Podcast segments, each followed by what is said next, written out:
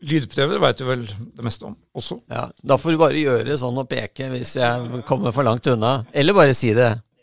Det er også lov på podkast, har jeg skjønt. Jeg diskuterer gjerne Vålerenga, jeg, for jeg er veldig glad i Vålerenga. Det, det syns jeg det er yndlingstemaet mitt, så det, det går fint. Det er yndlingstemaet mitt også, faktisk.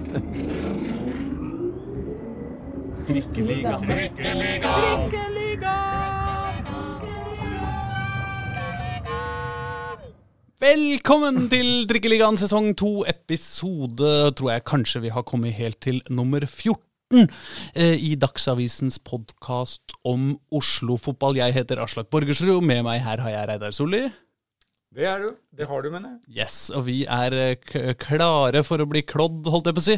Um, vi er nemlig i fysio, uh, fy fysioterapilokalet til uh, Vålerenga-legende Vidar Davidsen. Ja, tusen takk. Så fint at vi kunne komme hit.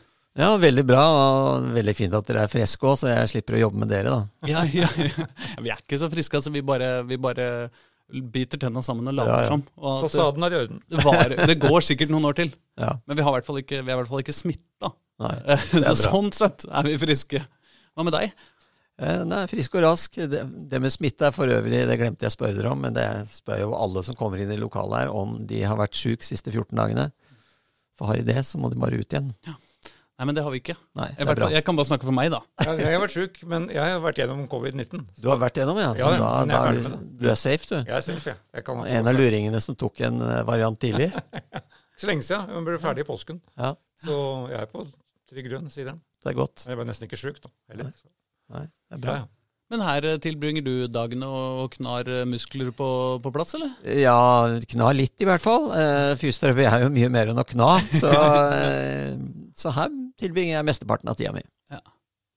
Men vi skal jo selvfølgelig tilbake til tilbake i historien. Jeg har bladd mye i sånne Vålerenga-leksikon i det siste, og der er det jo knapt en side uten at ditt navn kommer opp, Vidar. Du, har, du er den personen som har flest pokaler for Vålerenga, med fire, som og da, da har vi bare tatt med som spiller. Eh, og så har du en som trener, og en som uh, styreleder også, hvis jeg Ja. ikke har, Ja, tar helt feil. Da har du fått med deg det viktigste, ja. Jeg tror du er på en klar egen førsteplass i de som har flest uh, europacupkamper for Vålerenga. ja. Det var jeg ikke klar over. Også som spiller, med åtte. Ja. Så det sier jo litt om Vålinga selvfølgelig. Det kunne Ja. godt ha hatt noen på 30 der. Jeg burde hatt et par til, men jeg tror faktisk det var par jeg måtte stå over fordi jeg var skada. Hvis jeg ikke husker feil.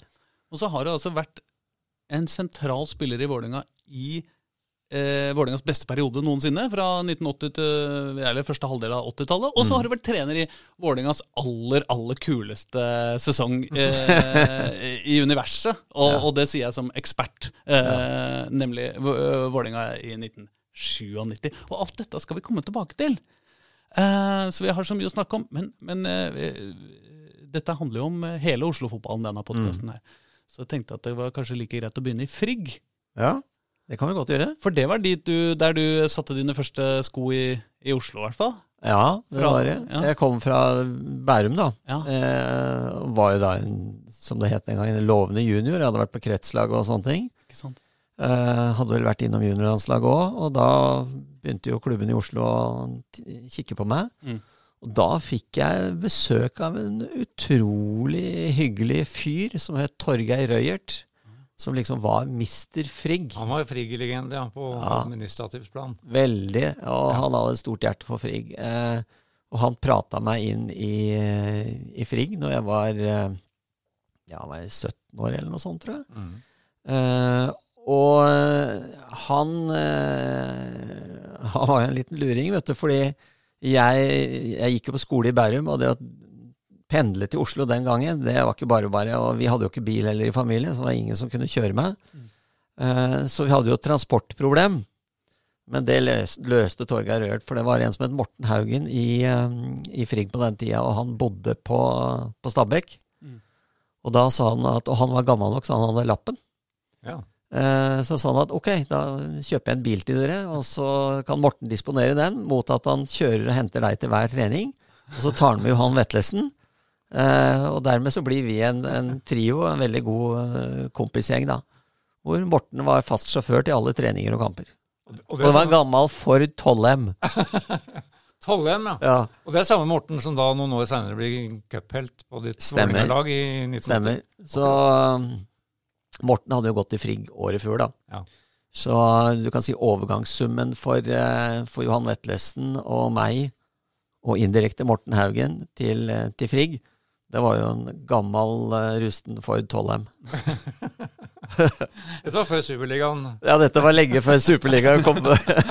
Dette tror jeg de vil si at det var verdt det. ja, jeg tror det. Jeg tror, jeg tror det var en bra investering. Men da var det også Ray Freeman som trente Frigg, da. Ja. Um, Og det var også en av grunnene til at jeg valgte Frigg, fordi uh, jeg hadde jo hørt om Ray Freeman, for han hadde vært i Brann tidligere. ja. Og det med engelsk trener vet du, på 70-tallet, det var svære greier i Norge. Ja, ja. Og, og det, var, det var jo et sånt trekkplaster, syns i hvert fall jeg, da. Og, og liksom Bare det at du skal ha en engelsk trener Du liksom så jo for deg Det het jo ikke Premier League da, men du så jo for deg de engelske stjernene og, og eh, en trener som prata engelsk på trening, til og med. Vet du. Det, var, det var litt uh, Det er var- ganske stas. Ja, det var eh, Det var stas. ja. Eksotisk. Ja. Men så overtok da en duo som het Egil Olsen og Pete Pettersen dette laget ja, stemmer. etter hvert. Per hadde jo vært spiller under med Ja. Ray Freeman. Og så dro jo han med seg Drillo inn i manesjen igjen. Eh, og det var jo eh, Den gangen så var jo de altså, sånne klassiske akademikere fra idrettshøyskolen. Ja. Så det var en ganske stor kontrast da, til, eh, til Ray Freeman, som var litt mer sånn hard worker-type. Eh, så da, da ble det litt annen type fotball, litt annen type filosofi. Og vi begynte jo med Drillo-filosofien egentlig før den var kjent, da. Ja. Og kanskje akseptert også. Uh, selv om jeg husker at det var ikke så ekstremt på Frigg uh, som det var seinere på landslaget. For jeg hadde jo Drillo også på U-landslaget. Eh, og det var også en mildere utgave. Okay. Selv om han allerede da viste mye sånn taktisk eh, fingerspitzgefühl. Altså. Hvordan var han som trener, da? Lugn. Eh, han var eh, helt altså Nesten alle trenerne jeg har hatt, har vært lugne, med et par unntak. Men, men, men Drillo var eh, lugn eh, i liksom tilnærmingen, da. Både til trening og kamper. Ja. Um, Så du for deg da at han skulle få den, bli den trenerstørrelsen som han blei? Nei, jeg tenkte ikke på det da. Nei. Altså, for meg da så var han som en hvilken som helst annen trener. Ja. Uh, veldig hyggelig, ålreit person. Uh, men han flagget ikke senere, da, det som skulle bli kjent som Drillo-fotball. Han var ikke så tydelig på å flagge det den gangen. Nei. Han var nok mer avslepet, og så ble han sikkert, i kraft av at han var trener og, og hadde forskjellige lag, så utvikla jo han den stilen, og ikke minst kanskje selvtilliten til å gjøre det så rått som han gjorde det da han kom på landslaget. Så var det, jo, det var jo midt, midt i overgangen da, fra hans egen spillerkarriere. Ja. Han bare skulle ha ballen sjøl Ja. hele tida. Det, det husker vi, det, det var jo et poeng i seg sjøl, for det fleipa vi mye med, at uh, det er jo ingen som hadde passa så dårlig i Drillo-stilen som han sjøl. For han var jo en ekstrem individualist. Mm. som spilte én vei, og det var forover, og kun når han hadde ballen, for å sette det litt på spissen. Da. Han var en fantastisk dribler. Jeg så han annet en kamp mot uh, Arsenal på Ullevål, en treningskamp. Ja. Eh, og da tror jeg en som het Hovdan spilte fantastisk backspill, men Drillo også var kjempegod. Ja. Det var det liksom jeg hadde av forhold til Drillo som spiller. Okay. Det var han superdribleren. Ja. Og så kom vi, og så var det plutselig en som snakka om kollektiv, kollektiv, kollektiv. Så det Men var det, Dette er en periode hvor, eh, hvor eh, han har litt rykte på seg som sånn der, eh, sånn der litt sånn illsint kommunist eh, på idrettshøyskolen også, er det ikke det? Jo, jeg tror nok at han var han, Det var jo velkjent at han var eh, ganske rød. Eh, men det var aldri noe tema i garderoben. Nei, det var ikke det. Nei, Så det tror jeg han holdt med studentene på idrettshøyskolen og andre steder. Ja. Men det, var, det, var, det, det skal han ha. Det var aldri et ord politikk, selv om vi visste godt hvor han sto, da. Mm. Så det var, det var ikke noe tema. Nei. Det var kun fotball. Skal jeg hilse deg fra Egil, da? For han er jo en del av researchen Ja. selvfølgelig, når vi skal snakke med folk. Ja, For han, eh, han husker at han, at han mente at du og Arne Erlandsen kom omtrent samtidig til, til ja. Arne Erlandsen kom året etter. År, Året etter, da, men dere spilte sammen. Vi spilte sammen, ja. Ja. Så da ble vi, da ble vi kalt Firerbanden, da. Det var jo da nevnte Morten Haugen, Johan Vetlesen, meg og Arne Erlandsen. Nettopp. Vi Ja. ble kalt for Firerbanden. Så eh, når vi skulle på treningsleir og sånn, så fikk Arne sitte på oss i Tollheimen. Ja, ok.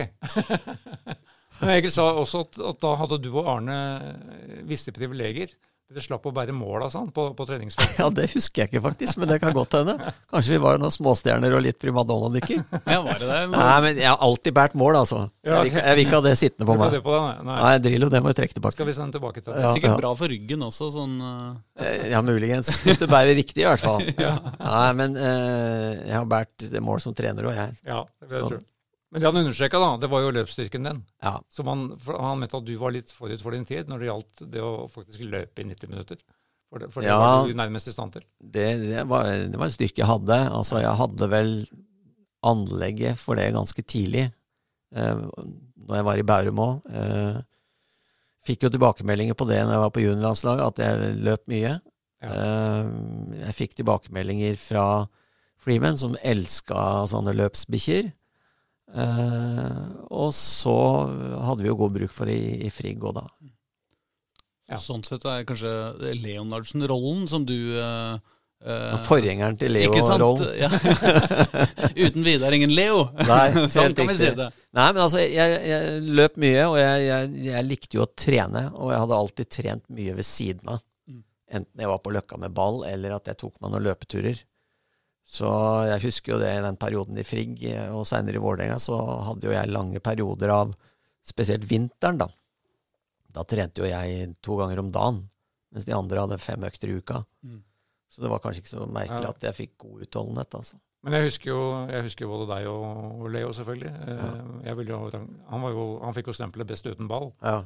Jeg vil jo si at du var eh, markert deg mer med ball da, enn Ja, jeg tror nok eh, ut fra min tid så Ja. var jeg nok regna som ganske god med ball. Men også, altså, For du var sentral eh, midtbanespiller og ballfordeler? Ja, litt sånn er- mer, kanskje mer indreløper, for å bruke det begrepet. Mm, Eh, Vi spilte jo noen ganger med to sentrale, mm. mm. spilte noen ganger med tre sentrale, og spilte vi med tre, så spilte jeg en av indreløperne. Men var det, hvordan er det altså Nå er vi på slutten av 70-tallet. Ja. Ehm, og du er ung og lovende uh, og ikke sant, har markert deg tydelig på, på Frigg-lag og sånn.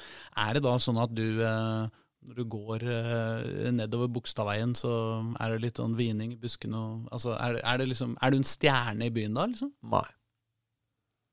Når jeg spilte på Frigg Husk på at i Frigg så Det var ikke som i dag. Det var ikke noe Facebook, det var ikke noe nettaviser. Det var eh, Hovedstadsavisen Jeg husker jo Reidar, ikke sant? Han, han var jo og dekka kampene våre, i, og da var vi på nest høyeste nivå. Mm. Du var ikke noe kjendis da. Altså. Det var ingen som visste hvem jeg var hvis jeg Det holdt ikke at jeg skrev om deg. Nei. Nei. Det var så dårlig kvalitet på bildene i Ja, den det tida også, så det var rå, vet du. kjenne igjen folk fra de bildene. Nei, så jeg følte vel ikke at folk kjente meg igjen på gata før egentlig jeg kom inn på landslaget. Nei. Nei. Først da jeg merka at folk kjente meg igjen. Mm. Men hvordan skjedde overgangen fra Frigg til Vålerenga? For Torgeir Røerts eh, visjoner dem slo ikke til, da. Nei, vi var veldig nær, forresten. Ja, eh, vi hadde et år hvor vi snuste på opprykk, og da, men da rykka HamKam opp, og vi banka jo de 5-0 på Bislett. Ja. Og vi hadde et veldig spennende lag Mm. i forhold til de fire nevnte, som var sånn U-landslagsklasse. Ja. Så hadde vi Audun Myhre der, fra, som, Ja, tidligere fra start, som også hadde spilt på U21-landslaget, så det var, var en veldig lovende årgang. Mm. Så hadde vi klart å beholde den et år eller to, så kunne det blitt noe. Mm. Men da blir det Vålerenga i stedet. Det var jo Vålerenga var litt sånn en gammel våt drøm, da. Eh, for jeg var på Det var en av de første fotballkampene jeg var på i Oslo. Da ble jeg med kompis og faren hans. De spurte etter en trening i Bærum om vi skulle dra inn og se på Vålerenga. De skulle spille mot Sarpsborg.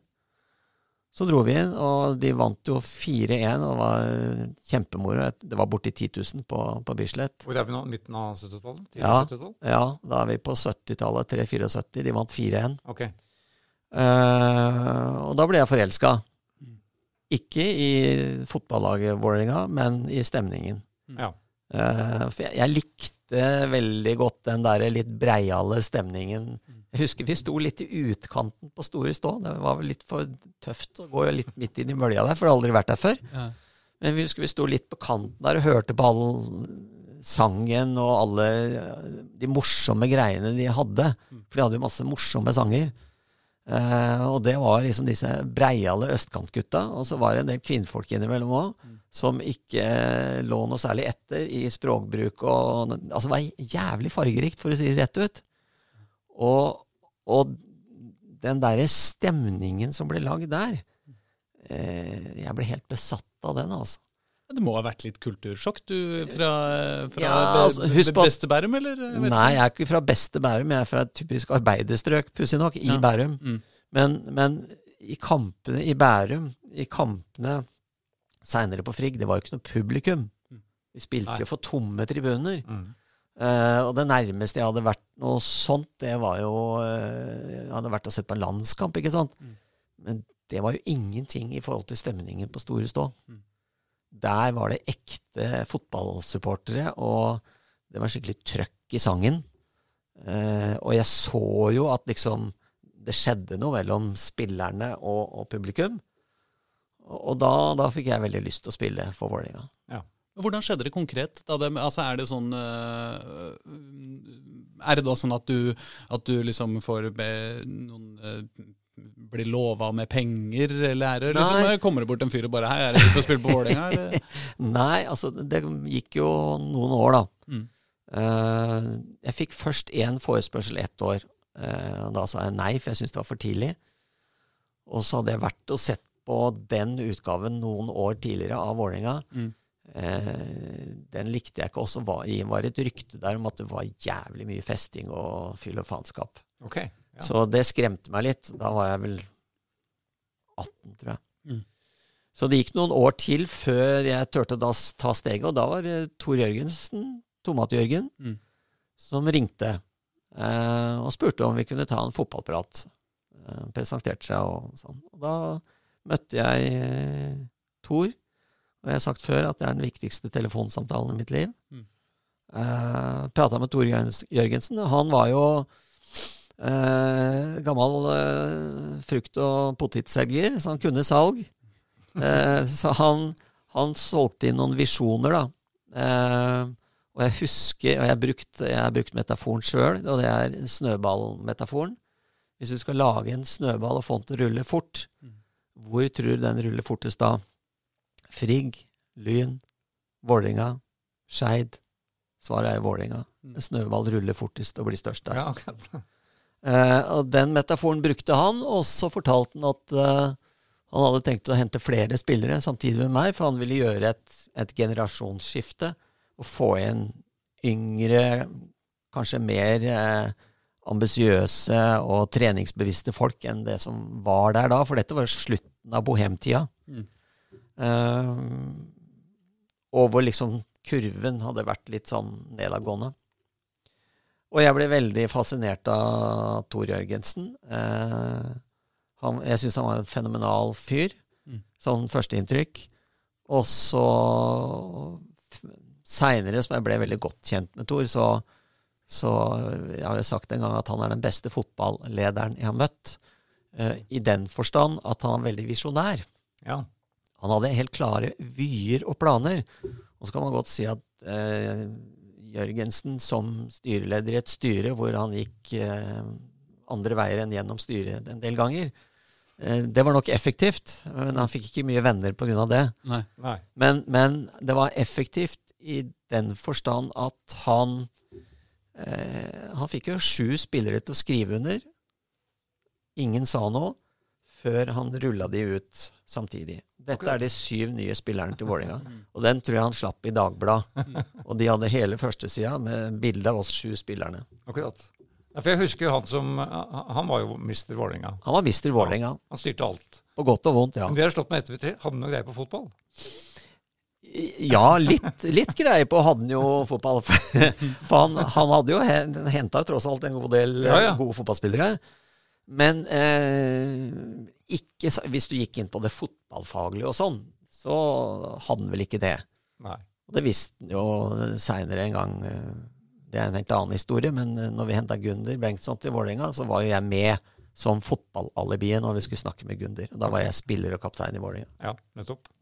Men hva- Betyr det at uh, Tomat-Jørgen var litt sånn Steve Jobs-type? sånn litt sånn eh, visjonær diktator som får alt til å skje, og som alle andre må bare holde kjeft og gjøre som han sier? Fordi, ja. jeg har aldri tenkt over den sammenligningen, men den er jævlig god. altså Han var visjonær, og han snakka om non-amatørfotball før det var lov med non-amatørfotball. Mm. Jeg tror til og med han ble straffa fordi vi fikk sånne Ja, premiekort og, og sånn. Istedenfor svarte penger under bordet, så begynte vi med premiekort. Premiekort? Ja, Det betydde at hvis du hadde fått en bonus på 1000 kroner, Mm. Så fikk du et premiekort som du kunne gå og kjøpe en vare for i en butikk. Så du fikk ikke cash, men du fikk, du fikk en slags Altså et, sjekk. ga, et gavekort, da. Gavekort, ja. Så ja. Hvis du f.eks. har scora mål, eller hvis klubben har gjort det så og så bra, eller sånt? Eller Ja, eller bare hvis, etter hvis avtalen din var at du hadde 5000 kroner i måneden i, i lønn, Ja. så fikk du det i dette gavekortet. Og det var liksom innafor det der, merkelig nok, dette non-amatørreglementet, da. Men han, Ja, det- det han innførte sånn at- jo det før dette var vanlig. Eh, så dette var en sånn overgangsfase. Ja, okay. Men jeg må bare få med meg lytterne her, fordi altså, det, er, vi, vi, vi, det, det er mange unge folk. eh, som- dette er jo forrige årtusen, tross alt. Ja, og det nå snakker, ja, men vi, vi er nå på en, starten av 80-tallet. Ja. Og da, altså, var det da eh, Kunne man ikke være profesjonell? Kunne man ikke få lønn? Nei, For å spille fotball? ikke til å begynne med. Eh, altså, vi fikk jo lønn, fordi på den tida så var det jo det som vi kaller svarte penger. Ja. Eh, så det ble jo ikke innberetta noen steder. Nei. Eh, og, men det ville Tor Jørgensen ha slutt på. Det var derfor han begynte med disse premiekortene, eller gavekortene, eller hva man skal kalle det. For han ville ha alt opp på bordet. Mm. Så han var jo den første fotballederen han, i Norge som begynte med det. I hvert fall Ja. på topplan. akkurat. Uh, men det ble han jo straffa for, merkelig nok. Ja. Mens alle de som da fortsatte en stund til med svarte penger i klubbene sine, Ja. på Åråsen og i Brann og i Trondheim og overalt, til og med i Mjøndalen Der! Hvorfor akkurat den Der. Mjøndalen? Der! Jo, for de gikk for å være så prektige. Ja, ja, det er sant. Det er sant. Det var liksom de siste amatører, men det var jo Ja. pinadø ikke. Nei, akkurat. Derfor, det var jo Lillestrøm som plutselig fikk stempelet for verdens Ja. stygge andungen der. Da. Fordi de, de dro det jo videre i Ja. etappe to. ja. Ja. Men, da, men da, gikk du, da du gikk fra Frigg til Vålinga da, ja. altså, lå det noe penger i det? For nå så jeg at, uh, Ifølge Wikipedia, jeg vet ikke om det er riktig, men det står at Arne Erlandsen gikk jo til Lillestrøm i 79, ja, og da kjøpte de han for 70 000, stemmer. som da var den høyeste summen i Norge. Ja.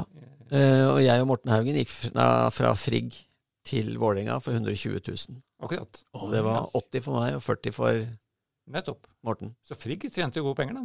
Frigg tjente gode penger, de. Ja. Altså 120 000 kroner, eller 80 000 for deg, da, på, Ja. i, på denne tida. Det må være ganske ekte penger, det. ja, jeg tror nok det. Det var ganske mye penger. Altså Hvis du tjente 5000 i måneden, liksom eh, Ja, på topp i Vålerenga så hadde jeg 9000 i, i måneden. Da var vel i sånn 4-85, tenker jeg. Og da hadde du vunnet tre-fire mesterskap, liksom. Så ja. Så du ble jo du ble, satt jo ikke igjen som millionær akkurat, da. Altså Selv om for en student så var jo 9000 i måneden jævlig mye penger den gangen. mm, Men sammenligner du med hva de tjener i dag, Mm. og justerer i forhold til inflasjon, mm. Så er det jo bare lommerusk. Men er det, var det da sånn at du kunne uh, leve av å spille fotball? Nei. Nei. Jeg var jo student ved siden av, hadde studielån, og kjørte taxi fredag kveld fast. Det var hverdagen.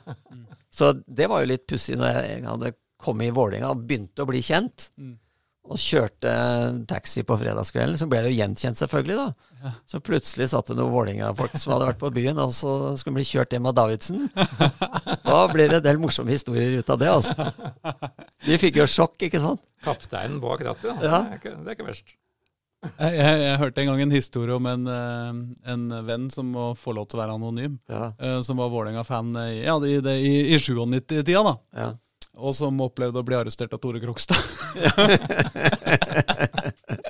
det, det, Ja, også, det- var visst også ganske hyggelig, faktisk. Ja, nei, vi har- det er flere folk. eh, Knut Arild Løberg var jo også politimann når han var i Vålerenga. Ja, skurk og snut, det var et sånn vanlig begrep i Vålerenga på den tida. ja. Ja, det, der, der er jo, der, det, Dette må vi komme tilbake til, eh, for der er det jo flere, flere Ja. figurer. Ja. Men, men eh, altså, i løpet av tida di i Vålerenga Du spilte i Vålerenga i seks år, gjorde du det? Seks sesonger? Eller noe sånt? Fra 80 til Eh, 86 ja. rundt Ja, det var vel fra 80 til og med 86, ja. Mm. Og da Sju sesonger. ja, ja, ikke sant? Sju sesonger, ja. Ehm, og da spilte du jo eh, Altså, du overlapp Eller du møtte Odd Iversen i døra, var det sånn? Odd Iversen var på vei ut når jeg var på vei inn. Ja, ikke sant? Så det var generasjonsskiftet, det. Ja. Så jeg spilte jo mot Odd eh, i 1980 på Lerkendal. Ja. Det året han spilte for Rosenborg. Mm. Da møtte jeg Odd på Så da var han tilbake i Rosenborg? Da var han tilbake i Rosenborg. Ja. Og det forholdet jeg hadde til Odd Iversen før, var jo at jeg hadde møtt den når jeg var 18. Så var jeg på en sånn kombinert junior, nei, U- og A-landslagssamling i Italia. Og da sto Odd Iversen litt seint opp, som vanlig. For det var morgentrening. Eh, og da var jeg yngst, og da måtte jeg gå og vekke Odd Iversen. Og da husker jeg at det, det var ikke lett, altså. Eh, og jeg banka på døra, det var ikke svar. Jeg hadde ordre da fra Eggen og, og Skauen, som var trenere da, om at jeg bare gå rett inn og dra han rauen ut av Iversen. eh, og kom inn der, og så var det et sånn klassisk hotellrom. Toalett inntil høyre, så går du litt fram, så er det en vegg, og så er det en seng bak der. Mm. Der lå Oddemann. Mm. Og når jeg kikka inn der, det var jo mørkt selvfølgelig, så så jeg bare en rød glo. og så hørte jeg det magedraget, og så jeg kjem. og så kom han da etter hvert. Og så et par år etter så møter hun på banen. Så vet jeg, ja, så spilte jo Moten når jeg var i Frigg, så var han i Vålerenga. Da Mm. møttes vi et par ganger. Mm. Jeg må jo nevne for de av lytterne som er under 60, da, og dette er faren til Steffen Iversen. Ja. Eh, en, en av de aller beste fotballspillerne i Norge noensinne, etter Ja. min mening. Ja, det, det, det, det tror jeg ikke du får så mange som er veldig uenige med deg.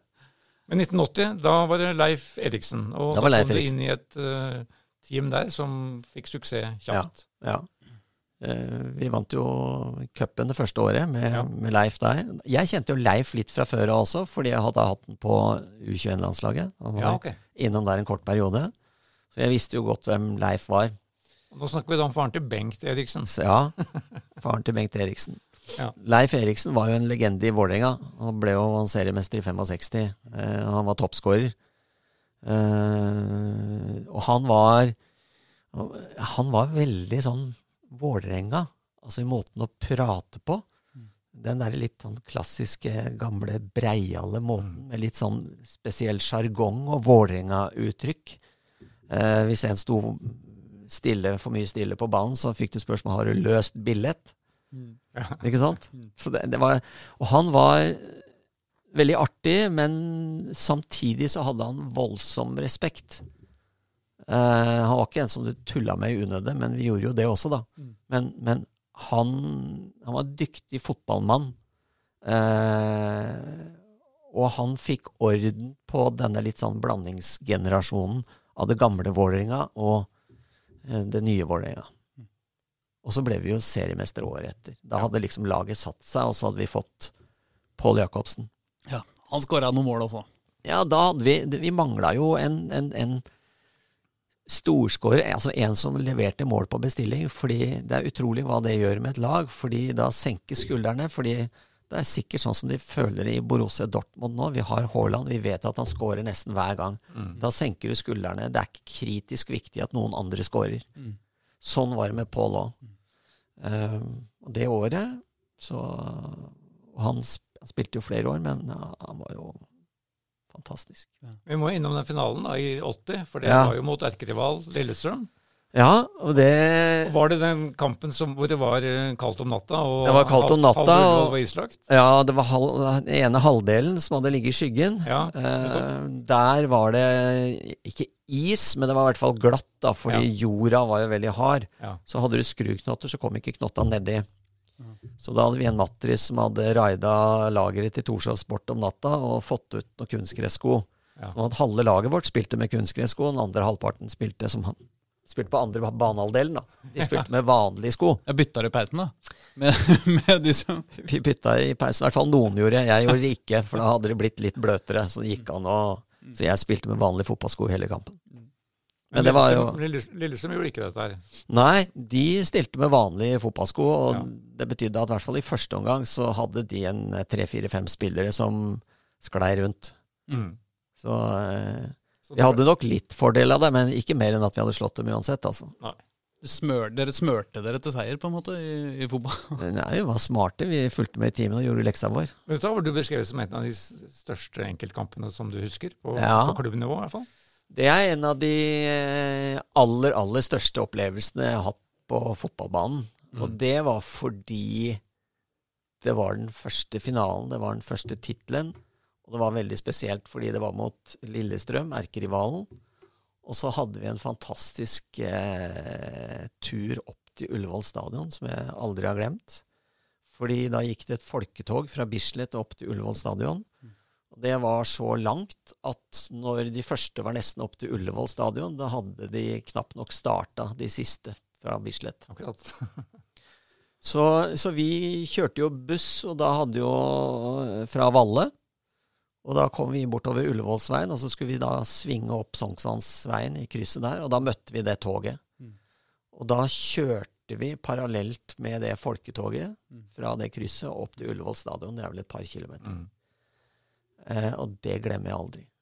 Det gjorde voldsomt eh, inntrykk. Å, å se og liksom føle supporterne så tett på. Og jeg husker jeg gjorde det samme med, med laget i 97 når jeg var trener. Da sa jeg helt klart fra til, til ledelsen at vi må koordinere sånn at vi møter det toget igjen. Akkurat. Ja. Og det, det, det gjør noe med spillerne. Altså. Jeg Det husker, husker de, jeg. Ja, ikke sant? og det er, det er en magisk Jeg gikk i toget, Altså, det er en magisk opplevelse, den derre nærheten mellom laget og publikum. Mm. Inn til en finale, altså. Mm. Dette er ikke etterpå. Dette er inn til finalen. Altså, det, det, det gjør noe med motivasjonen. Mm. Jeg husker i 97, flere av gutta sa Faen, gutta! Unnskyld at jeg banner. Faen, gutta! Se på dette her, da! Se på dette her, da! Altså 5% opp, altså, på Ja. prestasjonsnivå. Skal ikke så mye mer til for å Nei, det- nei, feie altså- Strømsgodset av banen.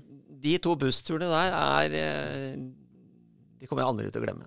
Jeg har ikke tid til å, bruke, å, å stå inn i 1980 så veldig lenge, men det er bare én spiller vi må innom. Jeg mener jo at Yngve Andersen spilte vel sin siste sesong. Ja, Yngve, Det- det Yngve spilte Han var jo liksom en av de siste bohemene som var med. Han Ja, og. Fosseren og Terje Olsen. Ja, nettopp. Ja. For Yngve Andersen, i mitt bilde eh, nå er det liksom at han sto på midten med nesten med gullemage, og bare styrte, styrte pasninger. Det er litt urettferdig sagt, Ja, men, men det var det som var inntrykket. Han fikk jo én landskamp. ja. Men Yngve, Yngve var jo helt på hellet av karrieren sin. Han var Ja. jo en veldig god fotballspiller noen år før. Ja. Men det, det var jo, han var jo redusert da. Ja. Eh, og jeg husker han sloss med Morten Haugen om spissplass. Eh, for han spilte ikke på midten lenger. Nei. Men han, han var, gjorde en del gode kamper som spiss, altså. Ja, akkurat. Eh, også det året. Så det var en, en kamp der mellom han og Morten Haugen om hvem som skulle spille spiss. Ja. Og det ble Morten Haugen. Og det ble han skåra vel tre i den finalen, tror jeg. Ja. Tremålshaugen. Ja. han het jo det siden. Ja, eh, en, eh, en eh, lytter som heter Fredrik Gjertsen har spurt, stilt oss et spørsmål, eller deg da, et Ja. spørsmål på Twitter. Jeg har et sterkt minne om at han avgjorde, altså du da, at du avgjorde serien med et straffespark på Bislett en gang. Er det sant? Ja, det husker jeg ikke, faktisk. For det er noe, Når jeg har liksom leita gjennom gamle arkiver, så har det vært noe straffespark. Det var noe straffespark på landslaget blant annet, som var sånn stang inn og helt sånn kriseavhørende og greier. Ja, Og som du egentlig ikke skulle ta, for det var blitt du som var blitt felt. Og, ja, jeg husker i hvert fall at det brant en straffe på Bislett Oh, ja. For Vålerenga. for Vålerenga. Det var i um, uh, Det var i jeg husker ikke om det var en europacup eller kampen før europacup, men jeg husker i hvert fall at jeg brant en straffe. Mm. Og Da løp jeg som en villmann etterpå for å skåre et mål, og det gjorde jeg heldigvis. Okay. Da, liksom, Ja. det, men jeg husker jeg, jeg Jeg brant ikke mange straffer i løpet av de eh, 20 åra jeg spilte fotball. Men jeg husker veldig godt den ene på Bislett. Jeg syns det var dritflaut.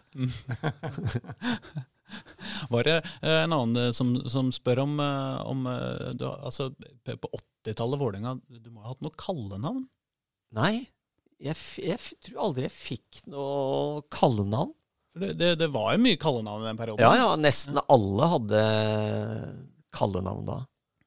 Så, men jeg tror aldri jeg fikk et et kallenavn. Jeg registrerte i hvert fall ikke noe sånn fra Nei, nei. Store Stå. At uh, selv om jeg hadde veldig nær kontakt der, så ble det jeg tror bare det var Davidsen eller Vidar. Ja. Vi leste en, eh, jeg og en kollega på jobben godt jeg hadde en- noen kallenavn som jeg ikke veit om. Ja, nei, nei, det var ikke dit jeg skulle, men jeg leste en sånn masteroppgave eh, en gang ved et eller annet, eh, ved et eller annet studium på Blindern om noen som hadde skrevet en, en, en, en hovedoppgave i, om kallenavn på Vålerenga. Ja.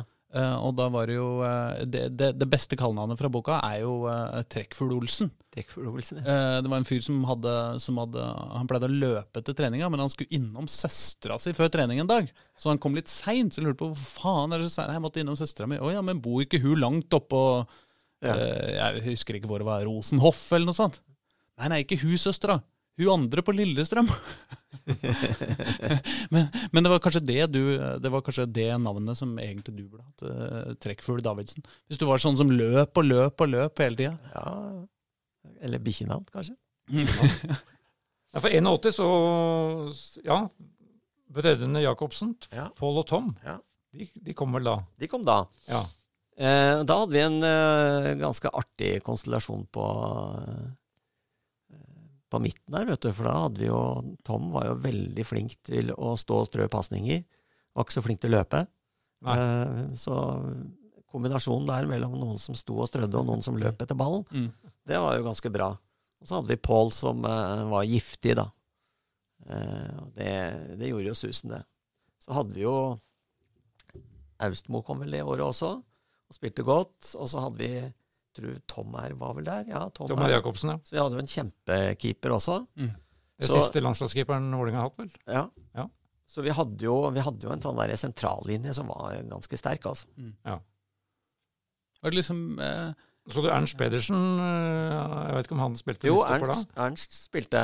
Da snakker vi om faren til Morten Gamst, selvfølgelig. ja. Det stemmer. Det er mye fedre. Det er mye fedre. mye fedre. Ja, ja, men det er bra at den frør seg, da. Ja, ja.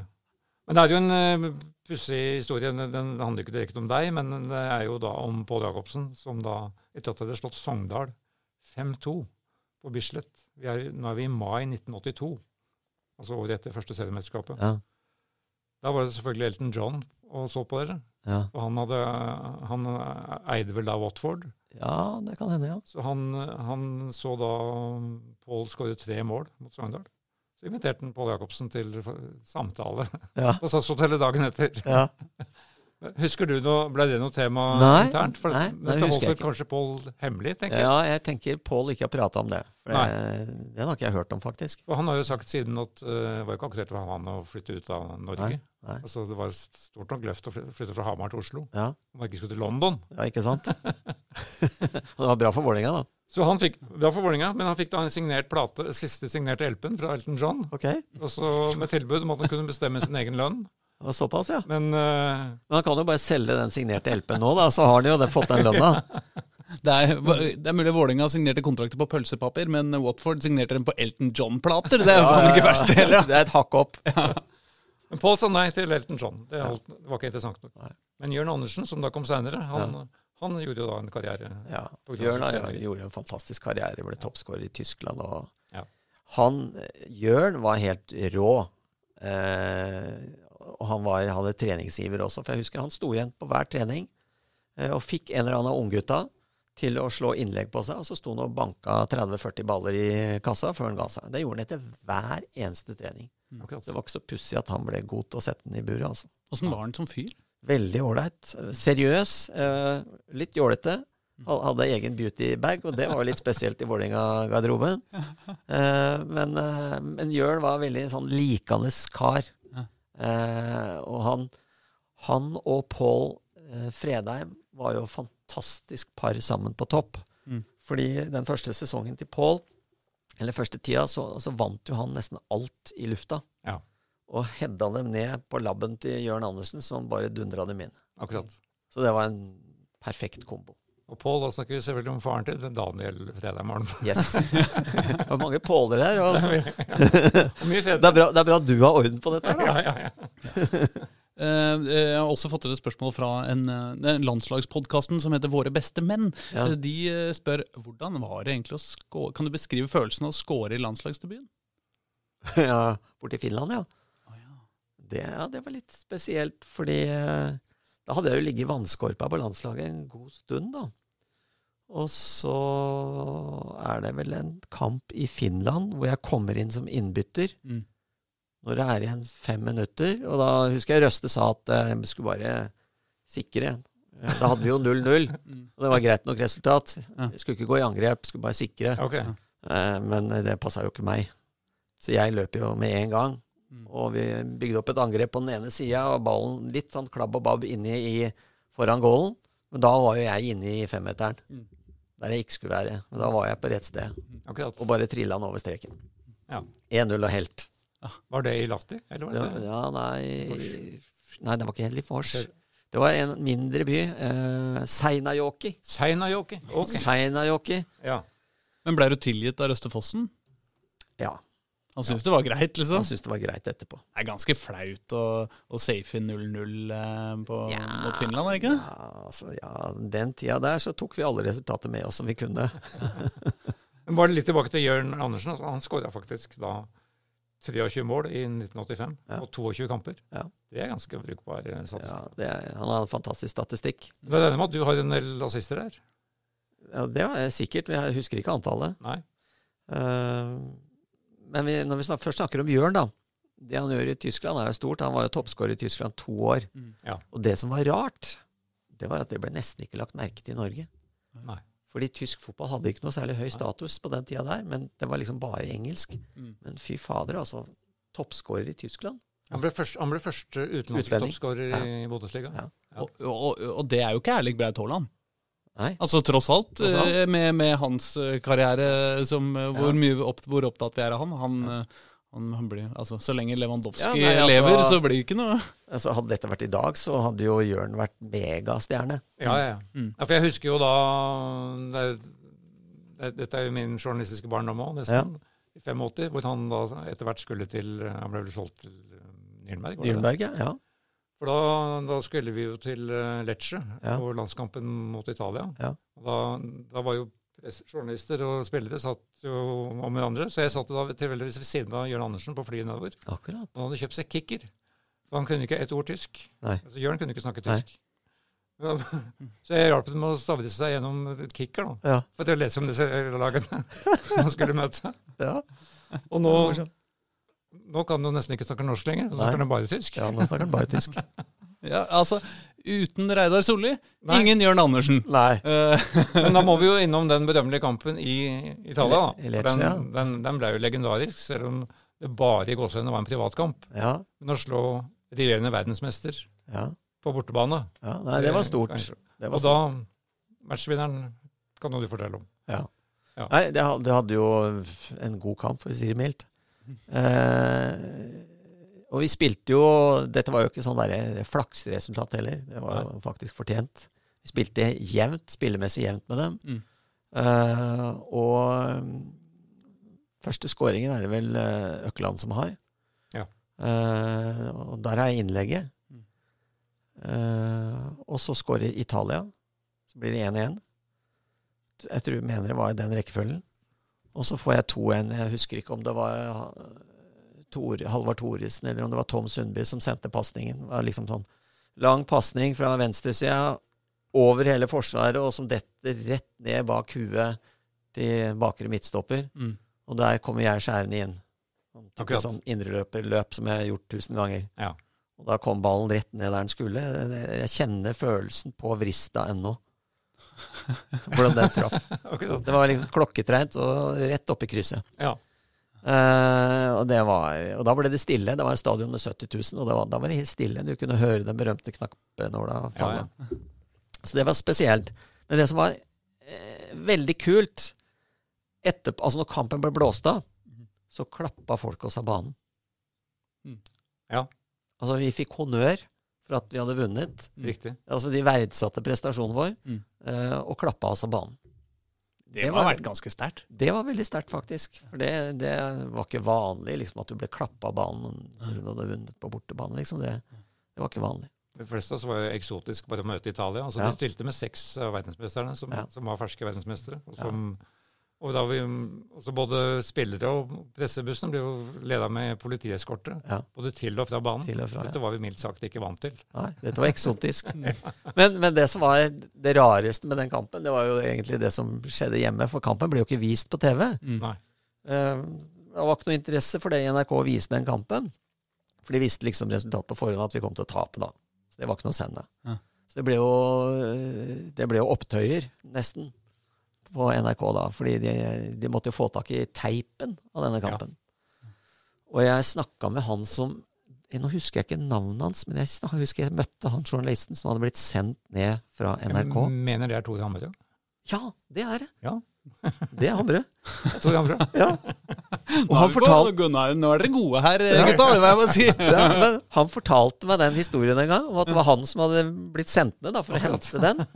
For å hente sjølve videoopptaket. Ja, for det, dette var jo Husk på i forrige årtusen. Da hadde vi sånne svære videoteiper. Ja, ja. Så du putta inn en egen maskin og greier. ja, ja. Eh, og han dro ned for å hente den, og så hadde han fått den. Ja. Og de fleste hadde jo da bare sagt takk og løpt. Mm. Men han sa 'kan jeg få testen'? Og da putta de den inn i en teip, og så var det feil teip. Akkurat. Så hvis han ikke hadde gjort det, så hadde han kommet tilbake med feil teip til Norge. For et geni. Ja. Så han kom jo tilbake til Norge da etter et par-tre dager, og denne kampen hadde vel gått på en onsdag. Og på søndag så viste de denne kampen midt på dagen. Mm. Det var faktisk om, om morgenen, tror jeg. Ja, kanskje det var morgenen. med noe Frokost, eller noe sånt. Da viste denne kampen på NRK TV. Mm. For da, da hadde det vært uh, mye skriving i media om at denne kampen måtte gå få vist det norske fotballpublikum. Så var- den kom i reprise fire dager etter. Ja, ja. Og det var Arne Skeie kommentator, og så var Ja. Tor Øste Fossen, som da var landslagssjef. Han Ja, var si- Sidekommentator. Ja. Oh, ja. Ja, som, ble, som ble gjort etter at de visste resultatet. Og, Ja, ja, ja, ja. ikke Og de, de lot som de ikke helt huska resultatet, da. Ja, Dette er utrolig! Endelig skårer Norge. Ja, men jeg tror kampen ga betydelig seertall. Og så da var jo jeg Ja. aleine, da. Så seertall ble det jo uansett. Ja. Men dette er jo da eneste fotballandskamp som i ettertid ble tatt opp i kringkast, Kringkastingsrådet. Oh, ja. For skandalen i at den ikke var satt opp på Ja, sendeskjemaet. Ja. Det, Det, Så du har vært med på mye, Vidar. Du har vært med på det. Ja, vært med på noen øyeblikk opp Men altså, jeg er veldig opptatt av at vi kommer oss nærmere denne eh, 97-sesongen, hvor, du- hvor du er trener. Men eh, vi, vi kan ikke hoppe helt dit ennå. Fordi eh, altså, etter Nei, vi- all denne suksessen Vi må, jo, vi må jo si noe om 83-84, Ja, Ikke sant? Nemlig. hvor, hvor altså Og Gunn Bengtsson. For og for å sitere Northug, vi hadde jo barneskirenn med resten av Fotball-Norge. Ja, dere hadde jo det. Ja. Dere, ja, du ble til og med toppskårer eh, det året i Vålerenga. Ble det? Ja, Du hadde ni mål, så det var jo ikke sånn sjukt mange mål. da, Men det var Nei, det beste okay. eller, eh, Det kan ha vært i 85, altså. Eh, men, eh, men dere rekka jo inn eh, pokaler av både den ene og den andre typen. Ja. Hva var det som hva, hva var det dere fikk til da? liksom? Nei, det vi fikk til, var at uh, vi hadde ganske mange fo gode fotballspillere der, da. Altså. Det hadde vi. Ja. Ja, så hadde vi en uh, trener som var meget dyktig til å organisere et lag. Mm. Og til å få struktur og disiplin. Mm. Uh, uten at han kjefta på oss en eneste gang. Mm. Gunder var egentlig en veldig mild type, Mm. men utrolig bestemt. Mm. Og utrolig god til å argumentere for hvorfor vi skulle gjøre sånn og sånn. Mm. Så Gunder var jo en eh, gå- Lå ganske tett opp til Drillo og det Drillo gjorde med landslaget. Sånn i fotballfilosofi, måten vi forsvarte oss på. Angrepsmessig så var det en del forskjeller, men eh, ikke veldig mye. Men, men forsvarsmessig så var det ganske likt dette med soneforsvar. Forskjellen var jo at vi spilte 4-4-2. Drillo på landslaget hadde 4-5-1. Mm. Eh, og eh, Men det var strukturert fotball, liksom? det var veldig strukturert fotball. Mm. Og det betydde at hvis vi hadde en dårlig dag, så spilte vi på strukturen, og så vant vi. Mm. Eh, kontra et lag som ikke hadde så god struktur, de taper på en dårlig dag. Mm. Det var liksom store forskjellen. Mm. Og så var vi Vi skåra mest mål. Vi slapp inn færrest. Ja. Og jeg tror vi vant med sju poeng eller noe sånt. Første året. Ja. Eh, og hadde toppskåreren, Ja. Pål Jacobsen, Mm. Ja. og ble beskyldt for å spille kjedelig fotball. Ja. For meg er det en umulighet å få det regnestykket der til å gå sammen. Vet du, Det husker jeg det hang sammen med et sitat fra Svein Mathisen, tror jeg. Ja, For det spilte jo på Bislett, og så, og så var Bislett liksom lekegrena. Ja. Det var jo det som var stempelet. Og så ble han sitert på at, uh, at Vålerenga hadde bytta ut lekegrena med en arbeidsleir. Ja. Ja. Han, han likte ikke å spille mot oss, det husker jeg. Nei. For han, eh, han fikk kjørt seg. Ja, ja, ja. De fikk jo ikke fred, vet du, de som kom til Bislett. Altså, Bislett var jo en liten, intim bane. Eh, og de var vant til å møte et litt sånn flegmatisk Vålerenga hvor det ikke var noe særlig press. Og Mm. plutselig så var det bang høyt press, ikke sant. For banen, sjølve banen var så liten, ja. Ja, og den Mm, og smal, inviterte og- jo ja. til det, ikke sant. Så Mm. vi hadde jo store fordeler at vi var vant med å spille der. Ja. Men den perioden her så spilte vi vår beste kamp, som jeg kan huske, mot Rosenborg på Lerkendal i regnvær, og feide dem av banen med 5-0. Eh, og da, det året ble Rosenborg nummer tre. Ja. Eh, det er det beste vi har gjort. Mm. Eh, og da Det var underholdning av topp klasse. Da ble du ikke klappa av banen på Lerkendal. Ikke på Lerkendal. ikke på Lerkendal. Men du fikk jo tillit veldig tidlig. Altså, som du nevnte før, du, ble jo, du var jo med å hente Gunnar Bengtsson til, Ja. til Vålerenga. Det, Han var jo en elev av Sven Eriksson. Av? Svennis, ja. Ja, ja. Svennis var, når Gunnar var trener hos oss, så var faktisk Svennis på besøk hos oss også. akkurat. Og så på noen treninger og prata Ja. med Gunnar. Og, så de hadde veldig god kontakt. akkurat. Så nei, vi Jeg ble jo invitert av Tor Jørgensen. da. Han kom til meg etter en trening og spurte skal du være med til Göteborg. Ja. Ja, det er fint å dra til Göteborg, men liksom, hva skal vi der? Mm. Ja, jeg skulle snakke med en fotballtrener. Ja. Og det var Gunder. Og vi dro dit, og vi hadde en lang, fin prat i bilen på vei ned. Og, og vi var enige da om at jeg skulle snakke fotball med, med Gunder. Eh, og, og Thor skulle prate penger. Mm. Og sånn ble det. Jeg prata fotball med Ja. Gunder. Og det, og det er, det var sikkert litt rart for han å møte en spiller, liksom kaptein, skal liksom snakke med noen. Han visste jo at det var et ansettelsesintervju. Mm. Uh, men han tok det veldig fint, proft. Mm. Eh, og det var nok årsak til at jeg fikk veldig tett kontakt med Gunder seinere òg som kaptein. Han brukte meg jo veldig mye som en temperaturmåler i spillergruppa. Akkurat. Uh, I forhold til Hvis noen var sliten og begynte å sutre og sånn, så ville Gunder gjerne vite det, for da ville han ta en prat med spilleren Mm. på enerom og få greie ut er det noen familiære greier, er du bare trøtt av trening? Mm. Eh, sånn at han kunne justere det, for han ville ikke ha spillere som satt i garderoben og sutra, for det er jo smittsomt. Mm. Så, um, og så snakka vi om taktiske ting, og, og det er sikkert fordi eh, vi hadde pratet fotball på det grunnlaget. Husk på at jeg var jo kjempeheldig, jeg hadde jo hatt mange gode trenere. Ja. Røste på landslaget, jeg hadde hatt Per Pettersen, jeg hadde hatt Drillo, eh, Leif Eriksen. Så jeg hadde mye ballast. Selv om jeg bare var spiller, så hadde jeg mye ballast. Mm. Jeg hadde sett og hørt mye fra mange trenere. eh, Og var veldig interessert i eh, den delen av spillet også. Så, eh, så det gjorde jo at eh, jeg var tett på Gunder og lærte mye av han. Og, og vi hadde en veldig fin dialog i de årene han var der.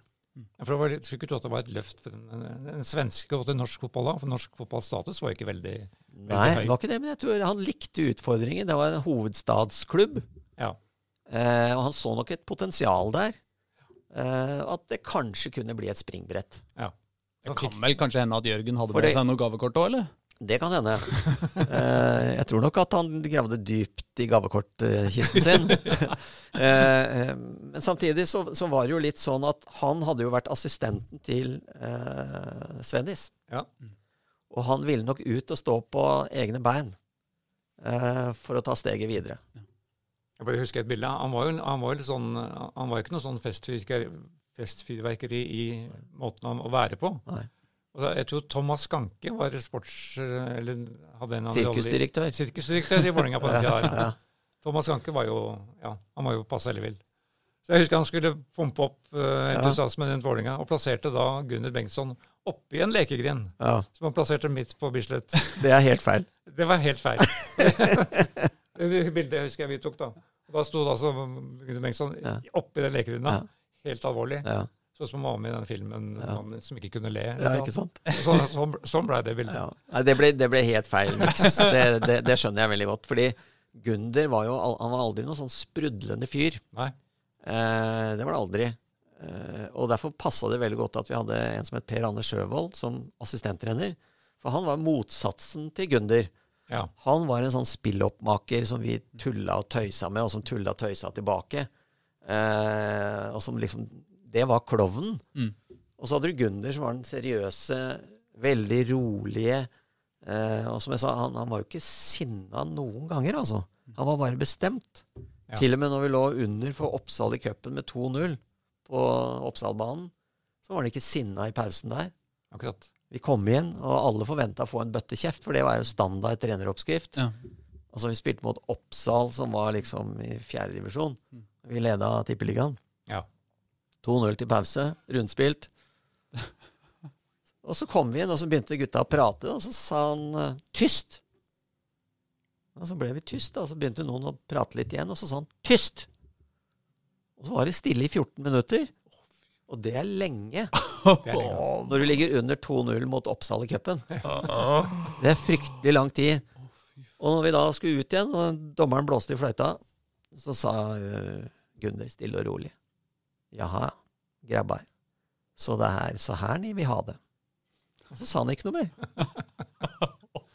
Og så snudde matchen, kanskje? Ja, vi vant 4-2. Altså, det, dette, dette låter som uendelig mye verre enn å bli kjefta på. Ja, det var det.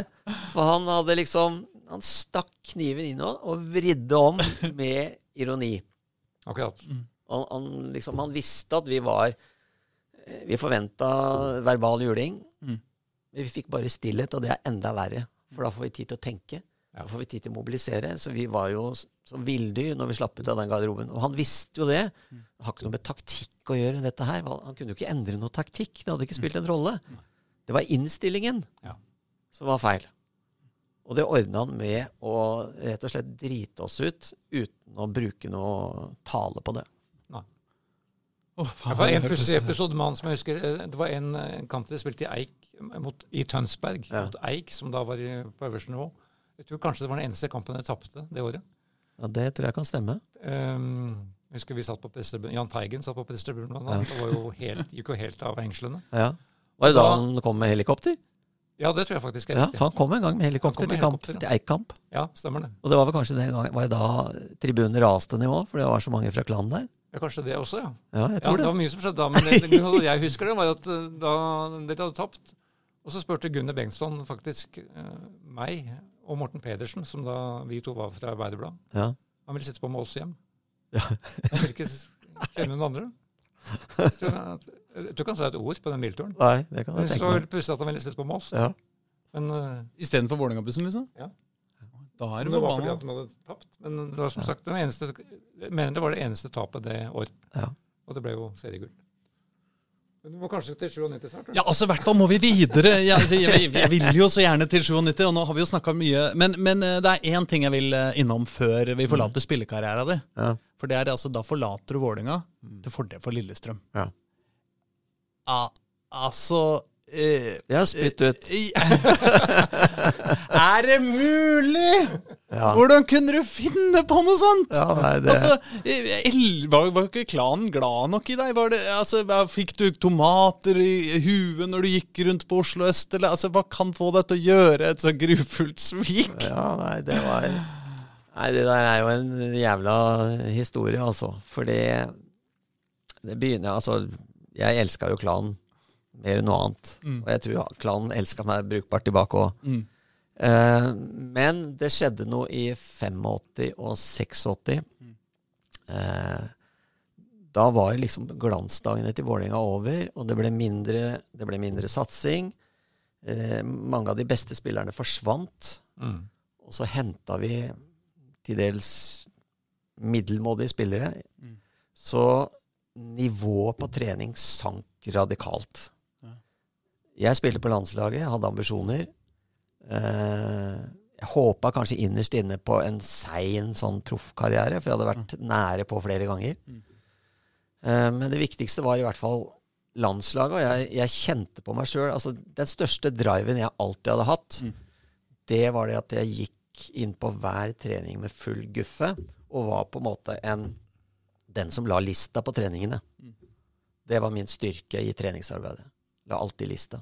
Men da merka jeg at jeg begynte å ikke være den som la den lista lenger. Eh, Jeg kjente at jeg begynte å Jeg ble dårligere fordi jeg, jeg slurva, jeg var ikke så skjerpa. Og så husker jeg eh, etter 86 eller 86-sesongen så hadde jeg, jeg hadde sett på Lillestrøm spille mot Ajax i Europacup. Jeg tror de slo dem på Ullevål, og så tapte de stort der nede. Da så jeg et lag som spilte på en, en annen selvtillit og spilte på en annen måte. Mm. Og da så jeg der kan jo jeg passe inn. Eh, så tok jeg et år til, eh, og da kjente jeg enda mer av denne følelsen av at her stopper det opp nå, Mm. og jeg stopper opp. Eh, jeg kjente ikke meg sjøl igjen. For jeg, jeg begynte å miste de tingene jeg var veldig god på. Så da tenkte jeg at her må jeg gjøre noe etter denne sesongen her. Og da var det litt tilfeldig at Lillestrøm, eller Tommy, tok kontakt. Mm. Jeg kjente jo Tommy gjennom landslaget. Tommy, Lund. Tommy Ja, ikke sant? Tommy, Tom Lund, ja. Mm. ja. Mm. Og hadde veldig Beklager, jeg er respekt, ikke så jeg hadde veldig respekt for han som person. da, Mm. Og når han var trener, det var vel andre sesongen han som trener, tror jeg. Andre eller tredje. Uh, så tenkte jeg at det passer bra. Uh, og jeg visste jo at jeg kom til å få tyn. Det visste jeg jo. Jeg, var, jeg er jo ikke uh, helt blank. Nei. Så jeg visste jeg kom til å få tyn, og det var helt fortjent. Det skjønner jeg jo. Jeg er den første som skjønner det. Eh, På, på hvilken måte fikk du tynn? ja, altså, jeg fikk jo høre mye pepper hvis jeg viste meg på byen her, så Den gangen var jeg jo et kjent ansikt på byen. Ja, ikke sant? Og det traff jeg Vålerenga-supportere da, så fikk jeg jo maling. Med reine ord, og det var greit nok. Ja.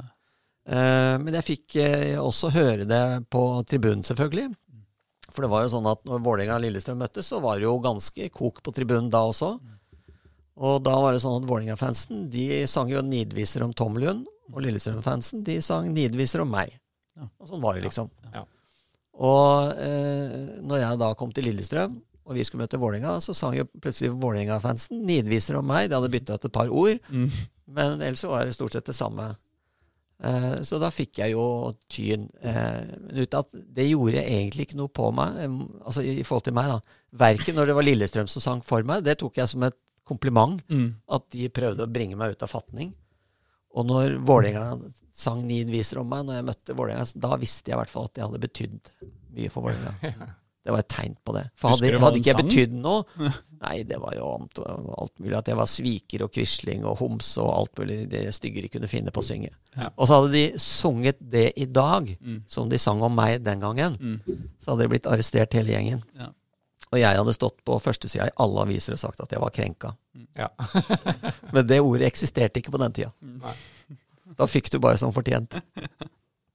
Og så glemte vi da enda, før vi går til 97, Mm. Nevnte Purken og Kjøen. Ja, ja. ja. Altså Knut Arild Løberg var jo da spiss på slutten av Vålerenga. Og så hadde da den tidligere Pål Enger. Ja, Mm. Pål Enger var, var, kom jo opp som junior. Ja. Han var jo et spisstalent. Og da jobba Løberg, assistenttreneren min, Knut Arild Løberg. Han jobba jo i Oslo politi. Kjente jo Pål Enger veldig godt fra jobben sin. Ja. Han gjorde det, ja. Ja ja, altså Pål var jo tidlig ute, han. Ja, På, for han har Tveita-gjengen og Eller nei, oppi, Ja, nei, kanskje han, nei, han var kanskje lenger oppe i uh, dalen, han. Pål var nok mer uh, solorider. Ja. I hvert fall på den tida. Men i hvert fall så, så visste Løb Løberg Jeg var jo en slags fadderfigur for han i Vålerenga. Det var jo liksom en betingelse at han, han skulle prøve å passe på han. Mm. Så Pål gjorde jo ikke noe gærent i Vålerenga-systemet, men når treninga var over og han hadde forlatt treninga, så fortsatte han jo med å gjøre gærne ting. Mm. Så, så det var jo en utrolig merkelig konstellasjon. Men jeg husker jo det var jo altså I den garderoben det ble jo lagd morsomheter ut av alt, vet du. Og ene var jo at vi hadde veddemål. På den tida så kjørte vi biler hvor du kunne låse deg ute av bilen, altså med nøkkelen igjen inni. Mm. Så kunne du smekke Ja. igjen. Og da var det en sånn der knapp du kunne dra opp og sånn eh, hvis du var biltjuv, da. Ja, ja. Så da hadde vi veddemål, da. Hvor lang tid bruker Pål Enger på å åpne bilen til uh, Austmo, f.eks.? Ja. Han var god på det, eller? Han var god på det. Altså, jeg, jeg, tror, jeg, han jeg tror ikke han hadde så mange ganger over 20 sekunder altså, før han var inne i bilen. Akkurat. Det var, Ja, det var ståltråd, litt banking i døra, sånn, og så vips, så var det oppe. Ja, akkurat. Vi snakker om Pål Enger som toppa karrieren i gåseøynene med å ta Ta skrik. skrik Ja. fra under åpningsseremonien til OL på Lillehammer. Ja, og da var han vel fortsatt Nei, oh ja, ja, nei, ja. Ja, Men, men det var noen ganske etterpå. store brekk eh, Det var noen kunsttyverier også mens han spilte i Vålerenga, var det ikke det? Nei, Men det må ha vært etter din tid uansett. Ja, det må ha vært etter min tid. Men eh, nei, fordi det jeg husker fra den tida Pål Enger var der, så var det at han, Han ble sett på som en litt sånn småkriminell. Mm. Eh, en som kunne havne ordentlig ut å kjøre hvis ikke vi tok vare på han i Vålerenga. Mm. Det var liksom greia da.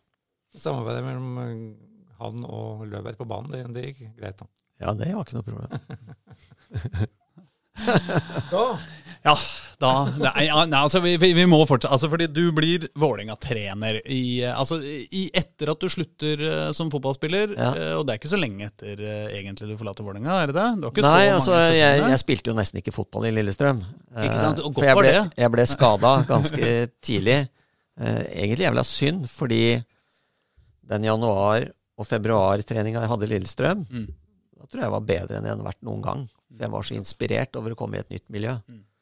Eh, men jeg dro på meg en akillesbetennelse som aldri ble bra, og som bare ble verre og verre. Så til slutt så måtte jeg opereres midt i sesongen.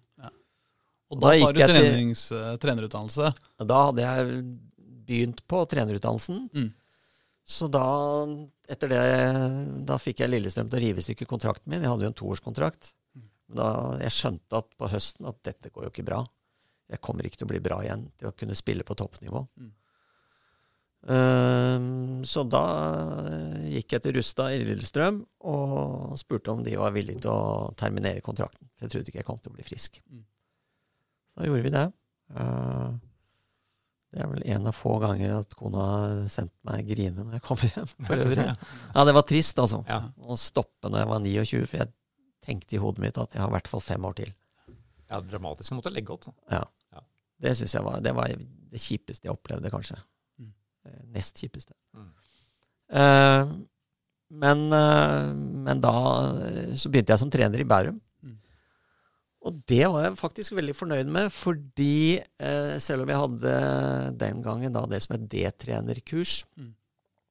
så eh, jeg kunne for så vidt starta på topp.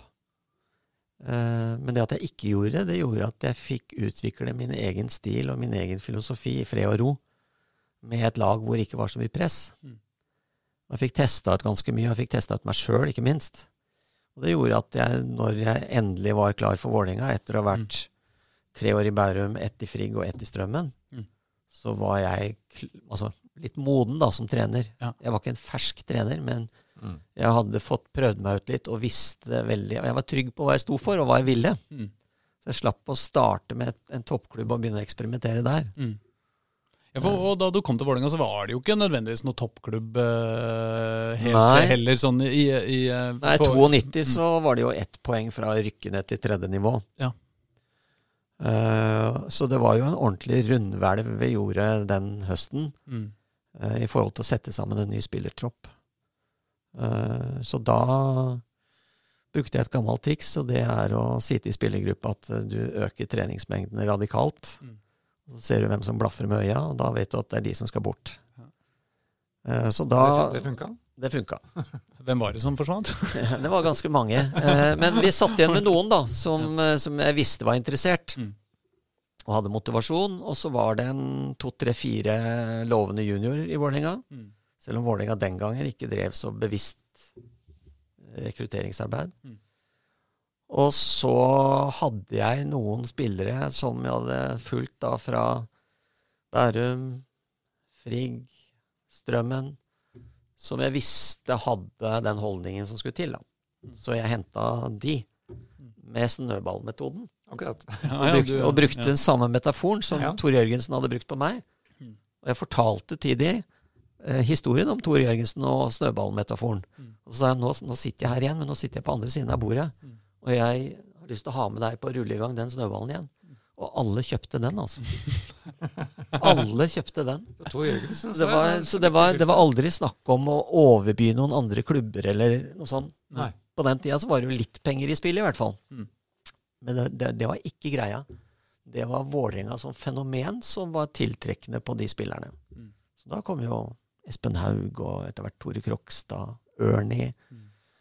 Eh, Dag Risnes kom seinere. Mm. Så eh, det kom noen gode fotballspillere da. Er for samme effekten som faktisk Dag Eilif Fagermo Ja. ja, han begrunner som en av de største Ja. motivasjonene for å komme hit. Ja. Var eh, Det er potensialet. potensialet. Mm. Ja. Ja. Og det er helt riktig. Mm. Og da får du de rette folka. Mm. Og så det går det litt prater- opp og ned eh, noen år, da. Eh, Ja, det, det gikk jo, sånn, det gikk jo veldig opp første året. mm, Ja, i første, eller altså på andre nivå. Ja, Ja. Vi rykka jo rett opp. Mm. Eh, og så eh, etablerer vi oss, får jeg vel si, i første året i Mm. 94. Mm. Da ble vi nummer ni, eller noe sånt. Og så ble vi eh, nummer seks eller sju. Et år. Vi ble fratatt noen poeng og greier. Å, det var Kubicek-greiene? det der. Nei, nei, vent litt, da. Det kom litt seinere. Oh, ja. så vi hadde uh, Det som var drittsesongen, var jo 86, hvor vi rykka ned. 96 heter det. Ja, 96, ja. 96-sesongen. Da gikk jo alt gærent som kunne gå gærent. Ja. Eh, så det var et forferdelig år. Det var masse skader. Jeg husker vi hadde sju faste som spilte fast ute av laget hele vårsesongen. Mm. Og da lå vi jo i bånn. Mm. Og så fikk vi de på plass igjen, og så hadde vi tredd, tredd best marsjfart Mm. til Kuvicek-saken kom Ja. i slutten av august. For Da, da, var vi, da var vi Mm. tippeliga klasse i den perioden der. Ja. For de som måtte være yngre, yngre lyttere, så Ja. signer du da en, eh, en eh, lovende, rask eh, østeuropeer. Ja, Juri fra- Kubicek, han, han er jo norsk, da. Han har Ja, er spilt i. Norge hele sitt liv. Unnskyld, jeg skal holde kjeft. Eh, det er glimrende navn. Men- i hvert fall men- fra Kongs... Nei, han ble ikke signa fra Kongsvinger. Hvor han Nei. kom fra igjen? Nei, jeg husker jo ikke helt hvor han kom fra heller i, i øyeblikket. Men poenget var at eh, det var noe feil med overgangspapirene. Ja. Og det eh, hadde de på Kongsvinger fått snusen i, Mm. så de rapporterte inn til Fotballforbundet. Etter en kamp som dere spilte uavgjort mot Kongsvinger. Ja, det, det stemmer. Men poenget var at den kampen som Kubicek hadde kommet inn Mm. Han kom inn som en reserve, og det var da han brøt den regelen. da. Ja. Mm. Og det var snakk om ti minutter eller noe sånt. Og da ble det litt ondt blod mellom Vålerenga og Kongsvinger en periode. Det må vel være det Men, må- men i hvert fall, si. det var som å stikke en nål i en ballong.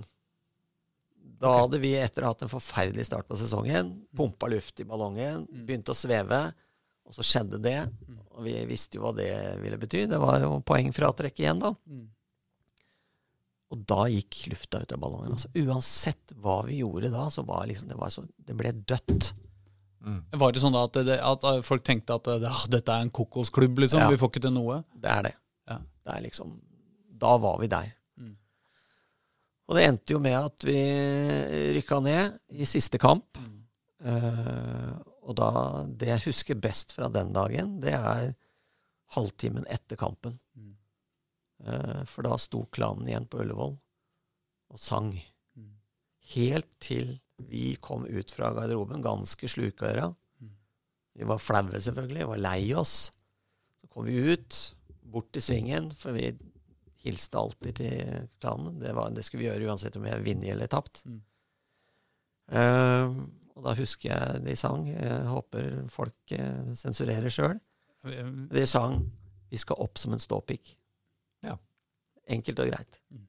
Eh, og det sang de, og jeg husker det gjorde så stort inntrykk på oss. Mm. Så det var egentlig klanen som eh, skapte ny motivasjon. Mm. Og så var det snakk om hvilke spillere forlater nå Vålerenga når vi rykker ned. Mm. Og da stilte det flere hundre fra klanen på treningene på Valle hver dag uka etter. Og så sang de. Ørni elsker Vålerenga, Ørne elsker Vålerenga, Risnes elsker Vålerenga, Risnes elsker Vålerenga. Altså de sang om alle spillerne, da. Mm. For å få de til å bli. Mm. Og det gjorde de jo. Akkurat. Ja. Ja, det var det året alle blei, var det ikke det? Alle blei. Ja. Ja. Og det jeg tror vi 90% kan takke klanen for det. Mm. Sånn apropos til hva fotball egentlig er. Mm. Mm. Altså, det handler om supportere og spillere og ja, altså det trøkket rundt det. Og da kommer vi endelig til 97-sesongen! Ja. Altså, jeg, jeg, det er ingen sesonger jeg husker så godt. Første kampen, Ja. husker du hvor det var? Sarpsborg. Det er riktig. Borte på gammel, sliten tribune. Ja, det gikk vel ned en tribune der Det var det de gjorde, vet du. Det var stappfullt, eh, en stappfull bortetribune. Ja. Og vi var noen tusen folk eh, av Vålerenga-supportere som hadde tatt turen, og vi syntes det var utrolig gøy å hoppe og være Ja. glad, og endelig en ny sesong, og vi skulle vinne, og alt mulig. Og da, og da er det noe med den derre eh, absurde ideen som på en måte man, altså fordi, altså man skal jo eh, kjefte på eh, klubber som, som har dårlige tribuner når det kommer mye supportere. Ja. Men jeg husker jo også følelsen at shit, folkens, nå tror jeg det knekker snart. Ja. Du slutter ikke å hoppe for det, vet du. Nei, nei. Det er ikke sånn at du da tenker Oi, nå, dere folkens, dette kan gå dårlig. Nå trekker vi unna. Nå må vi slutte å hoppe. Eh, hvor er sikkerhetsansvarlig? Folk hopper bare mer, vet du. Når du kjenner at det svaier Ja, ja. litt skikkelig i, eh, i de gamle tre- tretribunene tre der borte. Nei, så Det husker jo jeg godt. da, at Ja, det Der skjønner knakk det. Men, og det tror jeg det var røyk noe bein på noe altså Det var i hvert fall litt eh, halve det det er jo, det det er, Egentlig så er det en ganske stygg historie. Ja. Egentlig er det jo det, men det, men det bare vi var på Det var jo så Vi hadde det på en måte så, så gøy. Ja. Uh, jeg tror vi vant den kampen òg. Vant jo alle Ja, kampene. ja, vi vant nesten alltid. Og jeg husker ikke om det, vi vant eller spilte uavgjort, Nei, det- faktisk. Det, Det, ikke jeg husker med den kampen, Mm. eh, det er forspillet til kampen. Fordi det holdt på å skje en mega Vålerenga-blem igjen. For vi hadde jo tre spillere, viste det seg, som ikke var spilleberettiga. Oh, ja. På- Og det ble oppdaga på fredag før Jaha. kampen. Mm. Um, jeg hadde jo tatt ut et lag i huet mitt Mm. og skulle coache det på fredagstreninga. Mm. Uh, og så kommer faren til Espen Haug Mm. uh, og sier det at uh, Du, jeg har vært i Fotballforbundet i dag, jeg. Uh, du har tre spillere som ikke er spilleklare på søndag. Veit du det? Nei, det visste jeg ikke. For det, vi hadde jo en som skulle ha ordna den jobben. Lars Jernas var jo blitt ansatt Ja. Eh, som sportslig leder og assistenttrener. Så han skulle ha orden på de tingene, fordi det hadde vi ryket på året før, hvor det var en i styret som hadde ansvaret, og ikke klarte å få orden i alle papirene. Og så skjedde det altså igjen, altså. Eh, og Lars visste det ikke. Og det var hans ansvar. Det var hans ansvar. Men det var faren til Espen Haug altså, som fant ut av det. Og da fikk vi jo heldigvis da ordna papira uka etter, men de satt da i hvert fall på tribunen. Og alle de skulle ha spilt den kampen. Hvorfor i all verden dro faren til Espen Haug til NFF? Nei, for han, han, han var jo han var en veldig ivrig pappa. Ja, ok. Og han hadde vært fotballeder i Strømmen. Ja. Eh, og jeg sk eh, han hadde vel en nese for at her kan det være noe muffens med denne klubben, og spilleberettigelse. Kan Så han, så han tok ja. en tur på Ullevål og satte seg ned med han som var ansvarlig for dette på, i Fotballforbundet. Og da fant de tre spillere, da, Akkurat. som ikke var spilleberettiga.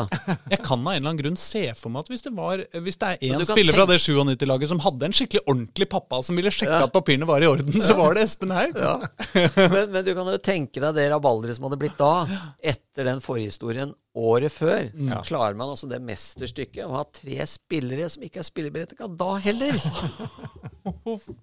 Det var jo helt vanvittig. Men i hvert fall så eh, var de to andre? Husker du det? eh, var Fredrik Kjølner. Ok. Det var den ene. Og så husker jeg ikke hvem de to andre var. Uh, ring faren til Espen her. Ja, Espen. Det var jo også, Fredrik Kjølner var jo eh, eh, den ene halvparten av et av de ordentlig episke liksom, eh, midtstopperpara som har vært i Vålerengas historie, føler jeg. Altså Når Fredrik Kjølner og Knut Henry Haraldsen Ja. uh, sto i, i midtforsvaret der altså Begge to var jo to og en halv meter høye. Ja. Og eh, i hvert fall Fredrik Kjølner var også en eh, tre kvart meter brei. Ja. Eh, Ja, de det bra opp, de, altså. Det var ikke mye, mye huedueller man tapte i egen boks eh, den sesongen der, tror jeg. Nei. Nei, vi var bunnsolide hele veien. Altså, det var en Det er eh, Ja, det er kanskje den, både den flotteste og den verste sesongen jeg har hatt som trener. Ja. Ja, For det var altså noen spillere bare for, altså Det var jo Du hadde jo uh, uh, Espen Museus uh, Ja. på topp. Som jo, Supermusa? Supermusa, som, som hver eneste gang man var i førstedivisjon, skårte 20 mål, og så kom han opp i Eller nei, altså på andre nivå så Ja. skårte han 20 mål, og så kom han opp til i, første nivå, så skårte han ett. Ja. og, så, og så hadde du eh, eh, Du hadde jo han eh, Hva het han som var så gøyal? Han, han som også var eh, han, eh, Håvard Lunde. Håvard Lunde, ja. Ja. Som, som, Venstrebekk eh, Venstrebekk. med sjumilssteg. Og som skårte ett mål som var så flott at alle huska det. Ja. det, det er sånn Vålerenga sånn jeg var, Hvor var du da, da Håvard Lunde skåra på hel volley fra 40 meter rett i krøsset? Men ellers så gjorde han stort, stort sett var han jo mest bare jævlig gøyal fyr. Han var jo sosialminister i Vålerenga. Han var en fantastisk fin miljøskaper. Mm. Uh, men det, men det, den årgangen der i 97 var det var utrolig mye bra folk der, både på og utafor banen. Mm. Eh, Jeg har vel aldri vært borti en gjeng som har vært så samkjørt, både på og utafor. Mm. Vi hadde jo Brakkebandet oppsto i da, Mm. eh, som bidro til mye underholdning. Med Kåsa og Kåsa, Havern, Krokstad og ja, Hvem var sist? Håvard. Håvard, ja. Mm. Og de, de bidro jo i alle mulige sammenhenger og lagde humor ut av det meste. Mm.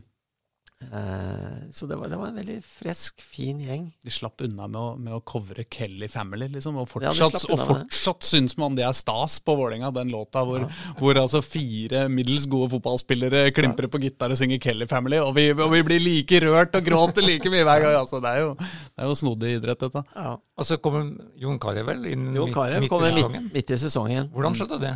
Nei, det skjedde jo det at vi hadde hatt den året før, så hadde vi hatt den på sånn gjestetrening. Mm. Eh, da var han med oss et par uker på høsten. Ok. Eh, og da var han jo prematur, eh, for å si det sånn. Det var altfor tidlig. Ja. Så vi hadde den under oppsikt, og så begynte det å gå rykter midt på sommeren, jeg tror det var i juli, om at Lillestrøm var i ferd med å signere han. Mm. Og da dro eh, Og i og med at vi hadde fulgt med han, så, så visste vi at han var veldig spennende. Mm. Og da dro Spetalen og Jon Nordbrekken og jeg tror det var Lars Kjernas Kjernås som dro hjem til dem Mm. og prata med mora til Jon. Og da, dagen etter så var han klar for Vålerenga. Da kom han sammen med Per Flod, som var blitt eh, hans mentor og agent da, på Ja, ja. ganske kort tid. Ja, var det det? Og siden så har de fulgt hverandre. Ja. Og da skrev han en kontrakt med oss. Og så husker jeg at da var det en periode vi trente på Bislett midt på sommeren, for da tålte Bislett at vi kunne trene der også. Mm. Eh, og da var de første treningene med Jon Carew, husker jeg. Og da var det, det var ganske varmt. Det var sånn mellom 25 og 30 grader.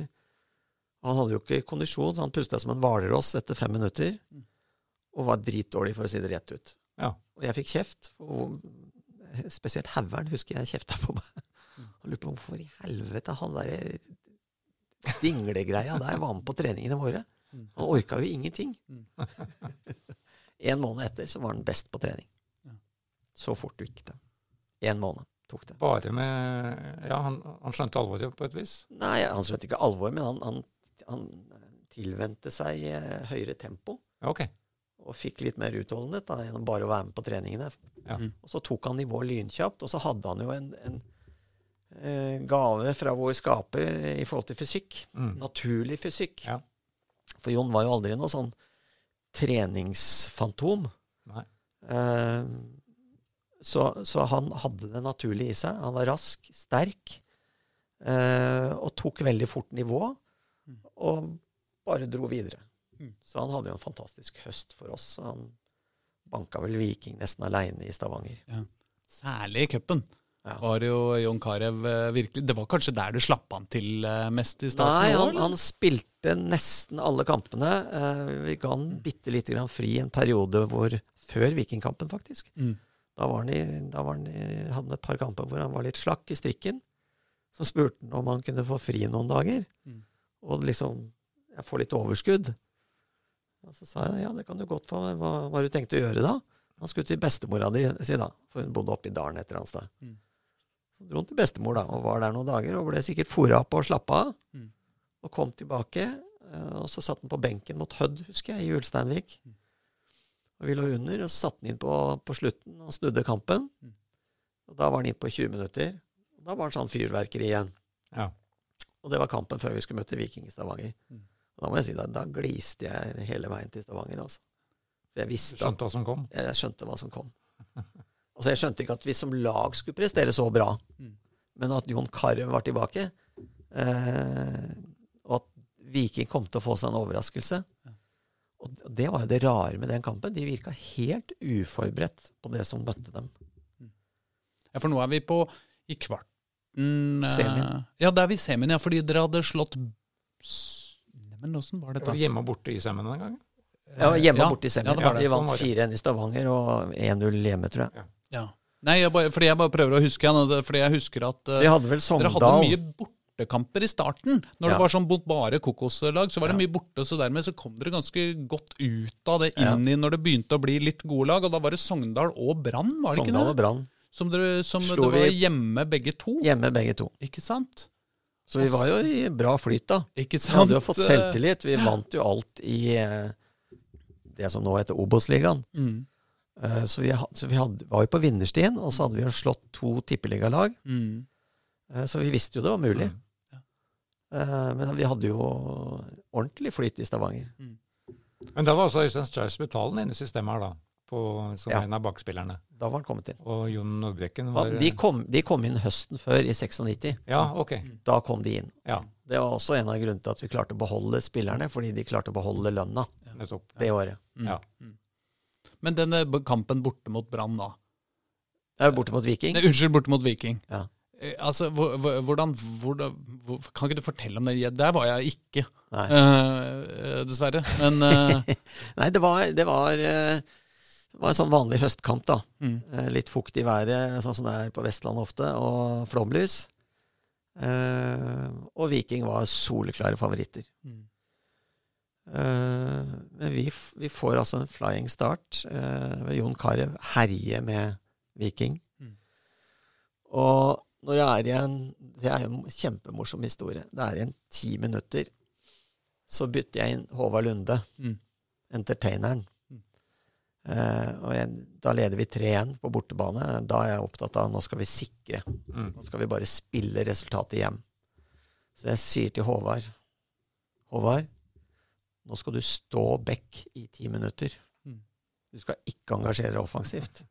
Du skal bare være på plass, sånn at vi har en firer hele tida. og, og fotballspilleren Vidar Davidsen husker ikke at eh, det er, dette er noen som har fortalt han før. Nei. Så Håvard kommer igjen. så går det to minutter, og så åpner det seg et rom på venstresida.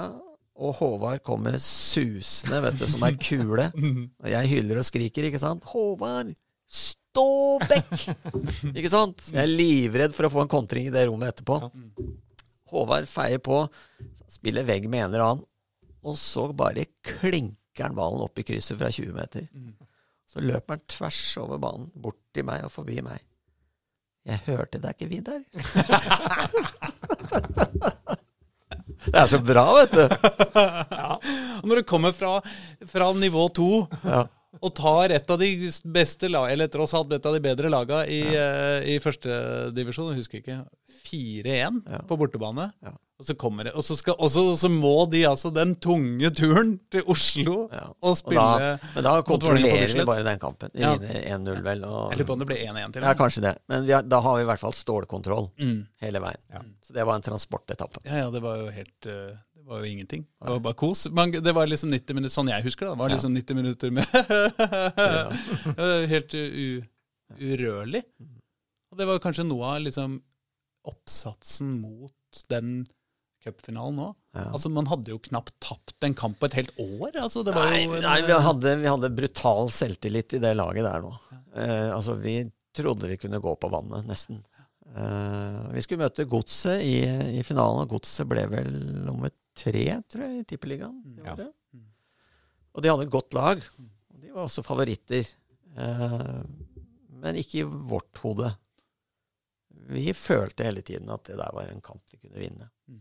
Og da gjorde vi jo det derre busstrikset, da, av at vi kjørte ned til eh, krysset ved Ullevål sykehus og kjørte sammen med supporterne opp.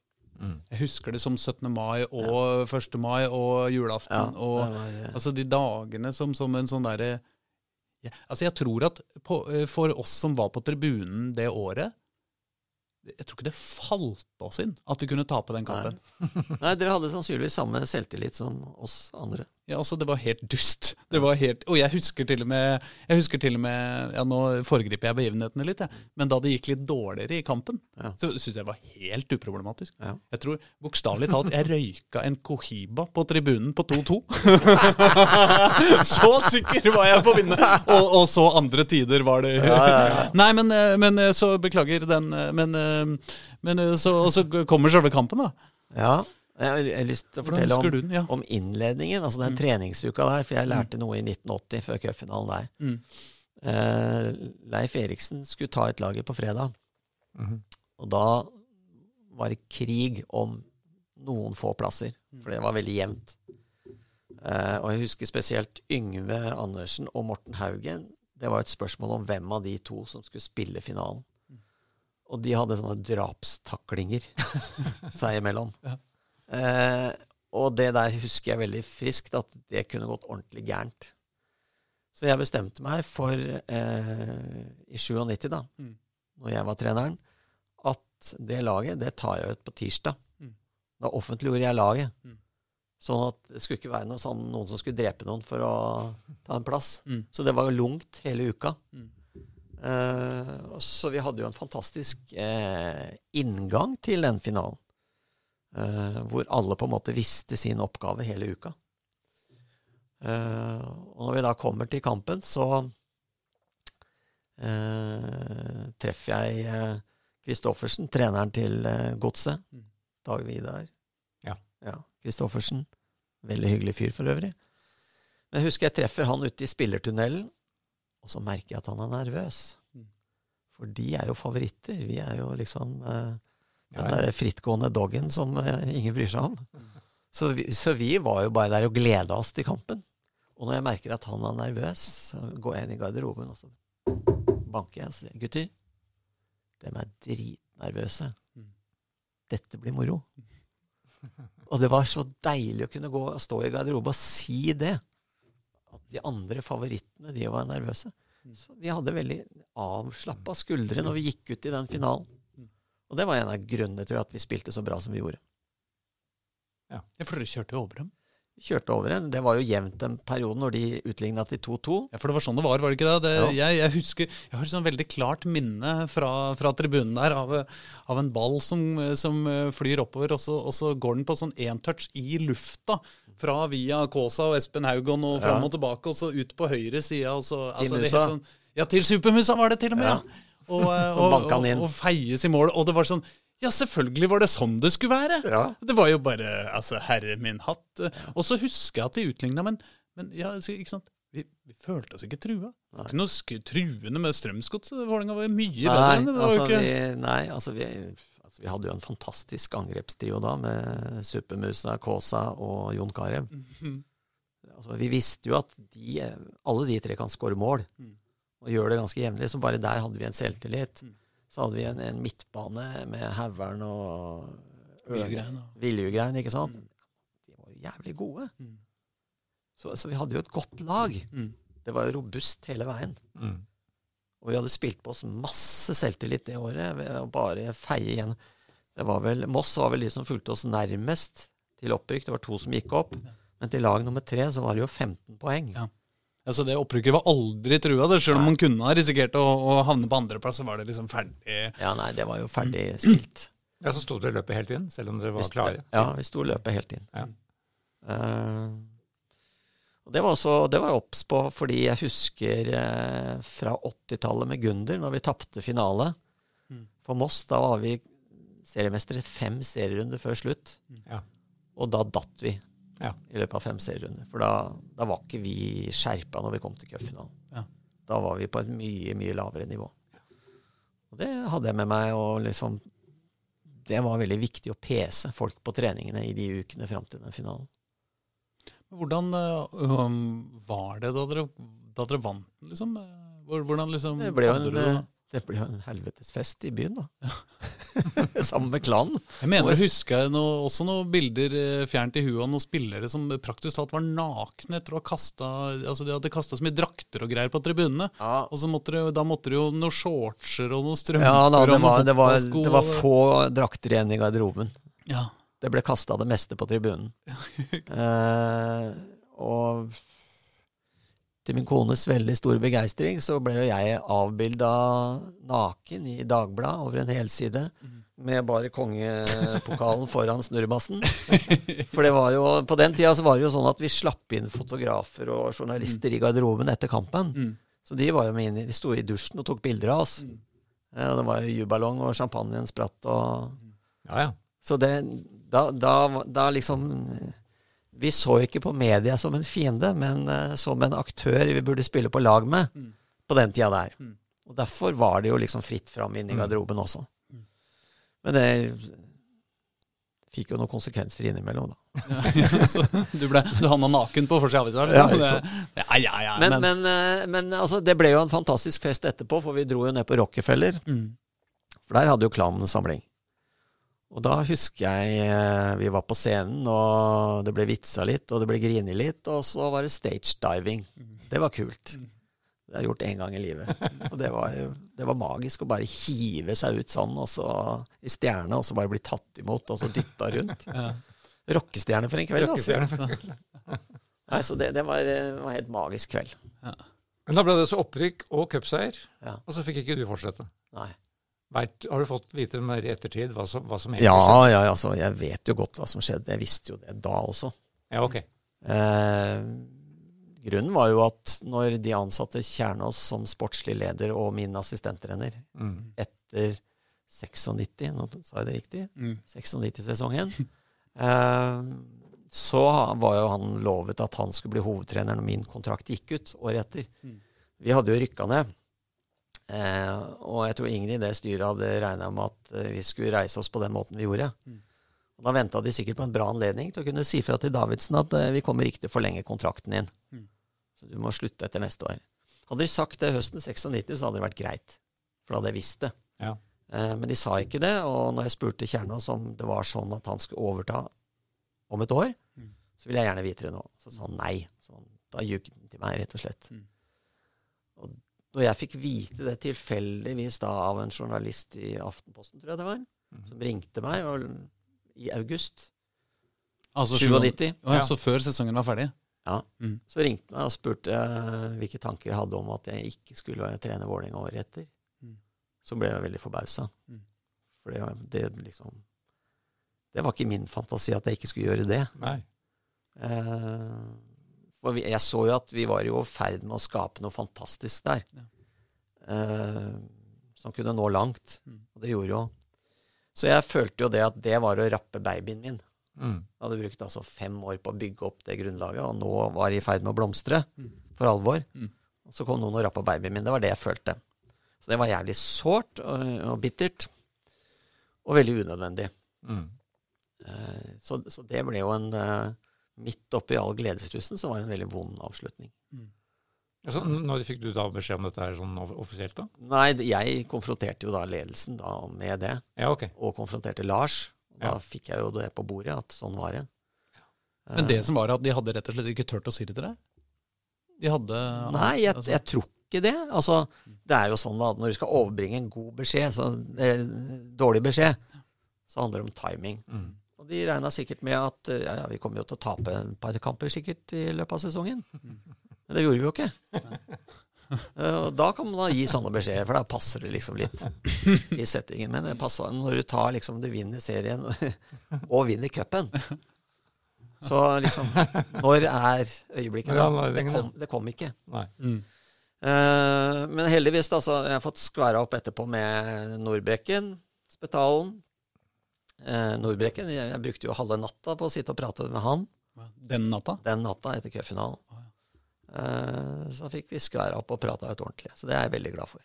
Mm. Så Nordbrekken er en god venn fortsatt. Og Spetalen også en jeg har hatt kontakt med jevnlig. Spilt fotball med. Ok, ja. Så det, så det ble liksom gjort ferdig der og da. Men det var, det var en jævlig trist måte å slutte i Vålerenga på. Mm. ja, det skjønner jeg. Spetalen fikk da gleden av å selge en karriere videre til Rosenborg Ja. Ja. Da, det ble jo bra gevinst. Det ble bra gevinst. Jeg har også spørsmål fra, fra Frednek på Twitter her, um, som skriver Har du fortsatt beef med Kjernås? Beef? Ja. Det er sånn ungdommelig uttrykk ja, som, betyr, eh, som betyr krangel. Krangel? Ja, er dere fortsatt er dere, Nei, Har dere skværa opp? Nei, nei. Jeg har aldri skværa opp med Kjernås. Nei. Eh, vi har faktisk aldri prata om det etter den dagen hvor jeg Han kom med en tulipan til meg, som han har kjøpt ned på hjørnet. En sånn liten pakke.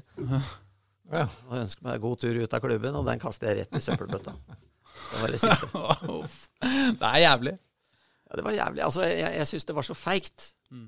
at jeg ikke kunne være ærlig om det der. fordi da hadde jeg for det første hatt en mulighet i løpet av et år til å posisjonere meg for andre ting. Ja.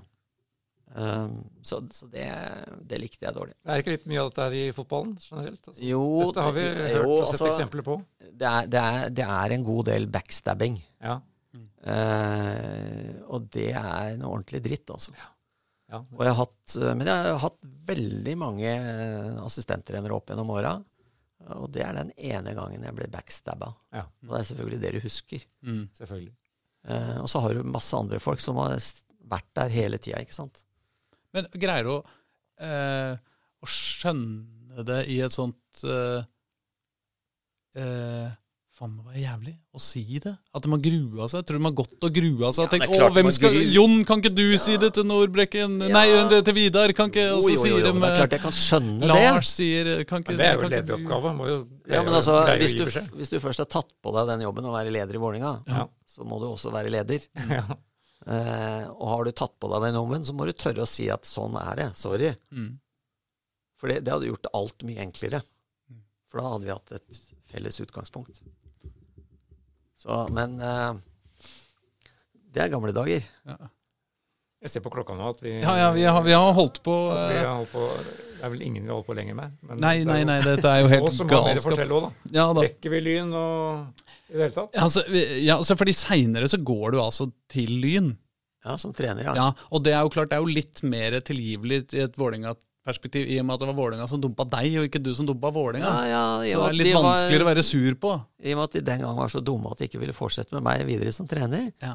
så gikk jeg til Lyn et, Som en som også for å straffe dem, egentlig. ett år etter. Ja, jeg hadde, jeg hadde gutte 19-landslaget i ett år. Ja. Og så ble det ledig en jobb midt på sommeren i Lyn. Mm. Mm. Så hoppa jeg inn der. Mm. Eh, Og det var jo også ganske morsomme år, da. Med, fikk overtalt Brynestad til å gå inn med masse penger i Lyn. Ikke sant? Eh, Så du tok initiativ til det? Ja, sammen med Ole Rai Grøtseth. Okay. Vi, vi lagde et scope på en femårsplan Ja. på hvordan Lyn skulle bli eh, Norges beste klubb. Mm.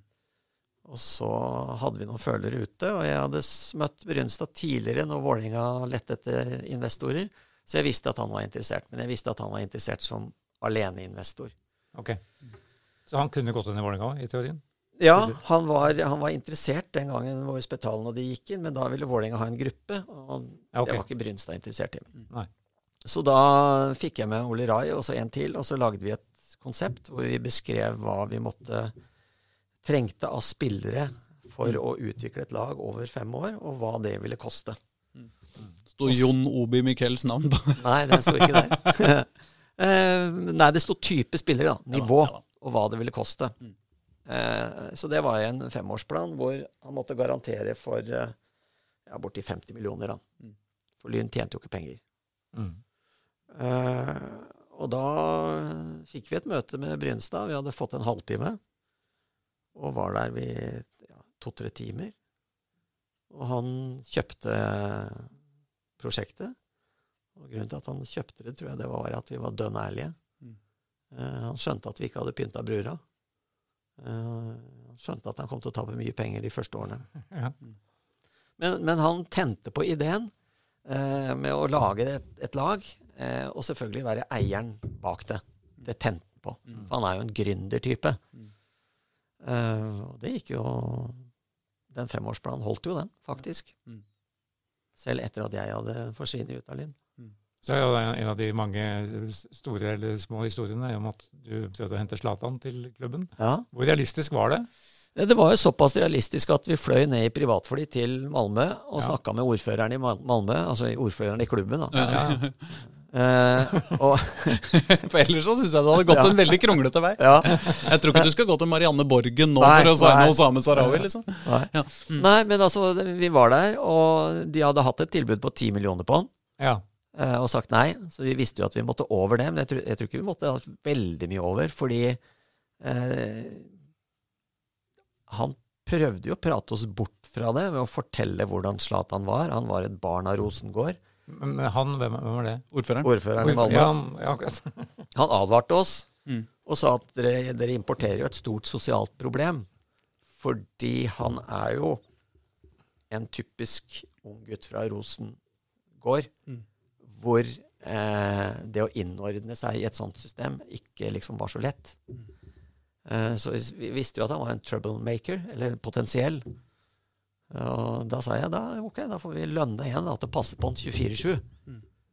Altså, jeg har sett nå hadde jeg, Da hadde jeg sett Zlatan to ganger, og Sture Fladmark hadde sett den to ganger, og vi hadde sett det samme. Mm. Og da var det ingen i Norge som visste hvem Zlatan var. Mm. For jeg så han debuterte som fra junior til senior for Malmö. Mm. Kom inn som innbytter to ganger. Vi hadde fått et tips Mm. fra en veldig god svensk kontakt. Og eh, da hadde jeg jo noen år før hatt Jon Carew. Og jeg Mm. så jo rakettkarrieren hans. Og jeg så jo at Zlatan var jo bedre. Han hadde et teknisk potensial som lå langt utapå. Han gjorde ting på egen hånd som lå langt utapå. Uh, og da visste jeg at dette her er et skup. Uh, men Brynestad ville ikke strekke seg lenger.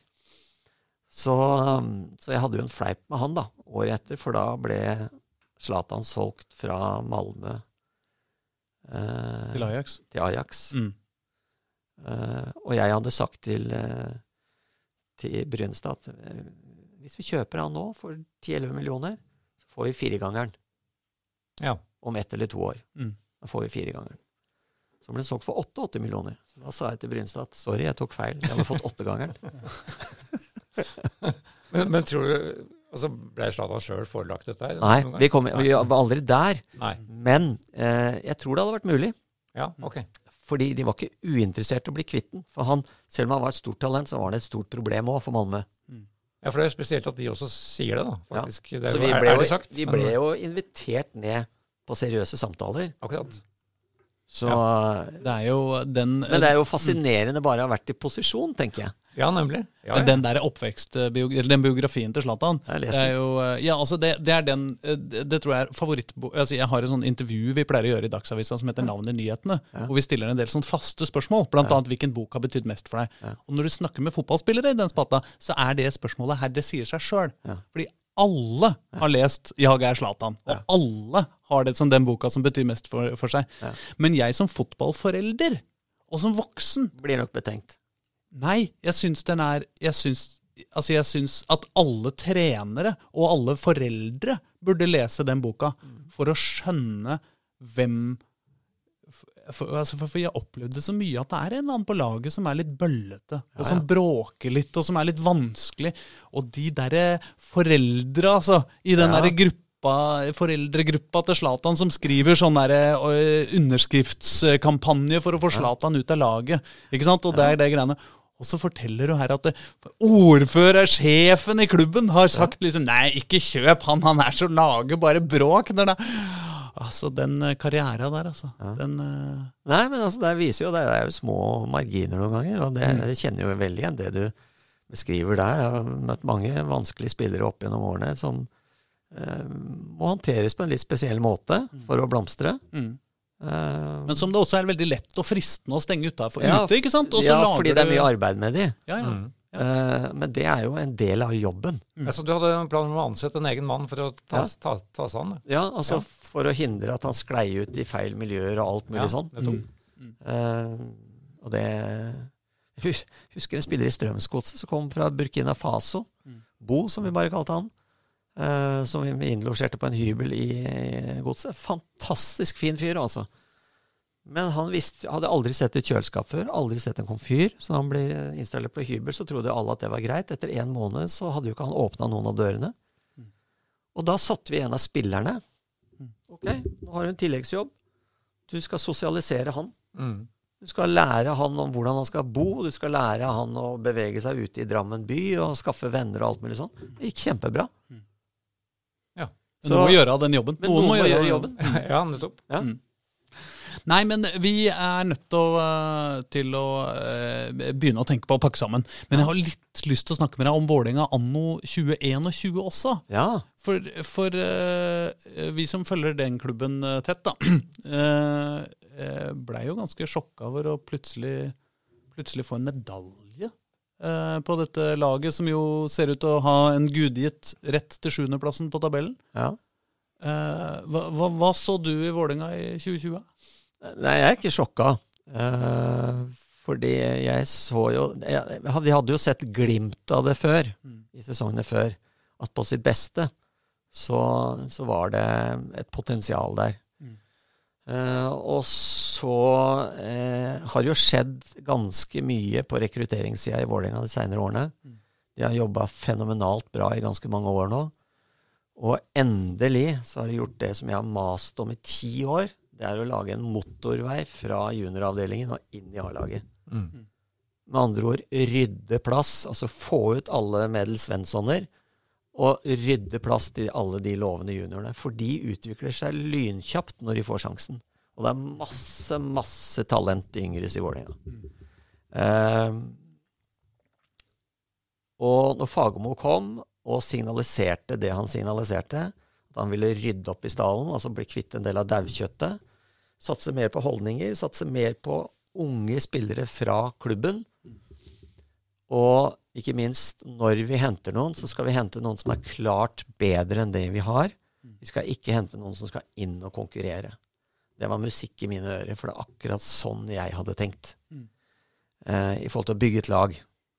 Eh, og når Fagermo kommer og gjør det, og det lille jeg kjente av Fagermo som person fra før av, at han var tydelig mye mer direkte i spillestilen enn det som hadde vært før, særlig med Deila, så tenkte jeg at dette kan gå bra. Mm. Eh, og jeg syns de hadde en del kamper i fjor som var skikkelig både morsomme å se på, og hvor de spiller effektivt. Og hvor det dukker opp nye unge spillere som blomstrer. Og det, det syns jo jeg er kjempegøy, og det er Oslo-gutter. Mm. Vi trenger ikke å dra til Jamaica eller andre siden av kloden for å lete etter spillere. De spillerne er her allerede i Oslo. Stor-Oslo er 700 000. Mm. Er mer enn nok å ta av. Mm. Eh, og hvis vi er bare dyktige på å gjøre den jobben, så har vi nok talenter her som koster en brøkdel av og denne storstilte importen som har vært hvert år, hvor du skal hente 10-12 spillere hvert år Mm. fordi treneren skal skifte ut gamle eller unge, eller hva det nå enn er de sier. Så jeg er kjempefornøyd med det som foregår der nå, og det er lenge siden jeg har sagt. Jeg er kjempefornøyd med det som foregår der nå. Jeg er bare glad for at du sier 'vi' hele tida. Ja. Ja, ja, nei, jeg er glad i Vålerenga, jeg. Så det har alltid vært glad i Vålerenga. Er Selv når jeg har vært sur på dem, så har jeg vært glad i dem. så er det Colosseum fysioterapi, er det det? det? Ja. Vi er på Majorstua, Ja. i nybygd strøk, og der skjønner jeg at nettopp den Giftrederen VIF-treneren har flytta inn i nabolaget. ja, jeg traff han rett utenfor her plutselig en dag. Ja. Og da eh, fikk vi en veldig hyggelig fotballprat. Eh, og det var gøy å få prate litt med han sjøl, og liksom få hans ord på det, da. Ja. Eh, og jeg skjønner jo at han eh, er optimist på vegne av det som skjer i Vålerenga nå. Mm. Det er bra flyt der. Det er, det er et spennende spillerstall nå. Mange av de unge spillerne er blitt ett år eldre, og da er de ett år bedre også. Mm. Så, så jeg har store forhåpninger til Vålerenga i år. Eh, de kan nå hele veien. Tror du det? Tror du det kan bli gull på Ja, hvis, hvis de får flyten, er heldige med og unngår skader på nøkkelspillere, Mm. så har de et mannskap som Jeg ser ikke noen andre mannskap som er bedre enn det da. Nei. Eller mer spennende. Og det som er fint med Vålerenga nå, Mm. det er at de begynner å få typer Mm. som er morsomme å se på. Mm. Det syns jeg er megakult å se på. Altså. Ja, for Et av spørsmålene som fagmann er spent på, er jo da altså, om bredden holder. Det blir en veldig kompakt sesong. Det blir en kompakt sesong, og det er klart at Mm. da er bredden i stallen viktig. Ja. Unngå skader er viktig. Mm. Så den coachingen blir vanskelig, og der kan det være tilfeldigheter som avgjør. Og da kan det hende at det er bredden i stallen til en av de andre klubbene som avgjør. Hvor er Vålerenga om fem år? og Hvor er Lyn om fem år? Ja, Lyn tror jeg nok er omtrent der de er nå, om fem Ja, år. de må få, først må de komme, få lov til å spille fotball. Ja. Det, det er der. Det er der. Ja, men altså, Lyn har en lang vei å gå for Ja. å komme seg opp igjen. Altså, De har tradisjonene, eh, men først og fremst må de bli enige med seg sjøl og internt i klubben. Jeg har skjønt at det er mye stridigheter og fraksjoner der som ikke klarer å samarbeide. Og det er drepen for enhver klubb. I det øyeblikk Lyn klarer å samarbeide med alle de kreftene som er der, så kan Lyn komme opp igjen. Og da håper jeg vi kan se Lyn og Vålerenga på lokalderby på Intility og Ullevål stadion. Det Ja, hadde for vært de hadde jo fantastiske derby for eh, 15-20 år siden. Herregud, det er jo fulle tribuner med en gang. Og det er moro. Vålerenga tror jeg er eh, toppklubb i Norge om fem år òg. Jeg tror de kommer til å klare å stabilisere seg nå.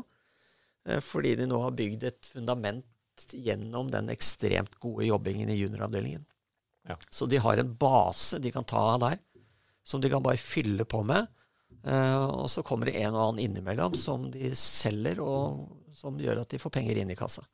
Så økonomien i Vålerenga har inntrykk av er i ferd med å forandre seg. Og når vi kommer ut av pandemien nå, så tror jeg interessen for å gå og se på Vålerenga på Intility kommer til å eksplodere. Men la meg da bare for å um, Vålerenga 2021. Hvem blir den beste spilleren på laget?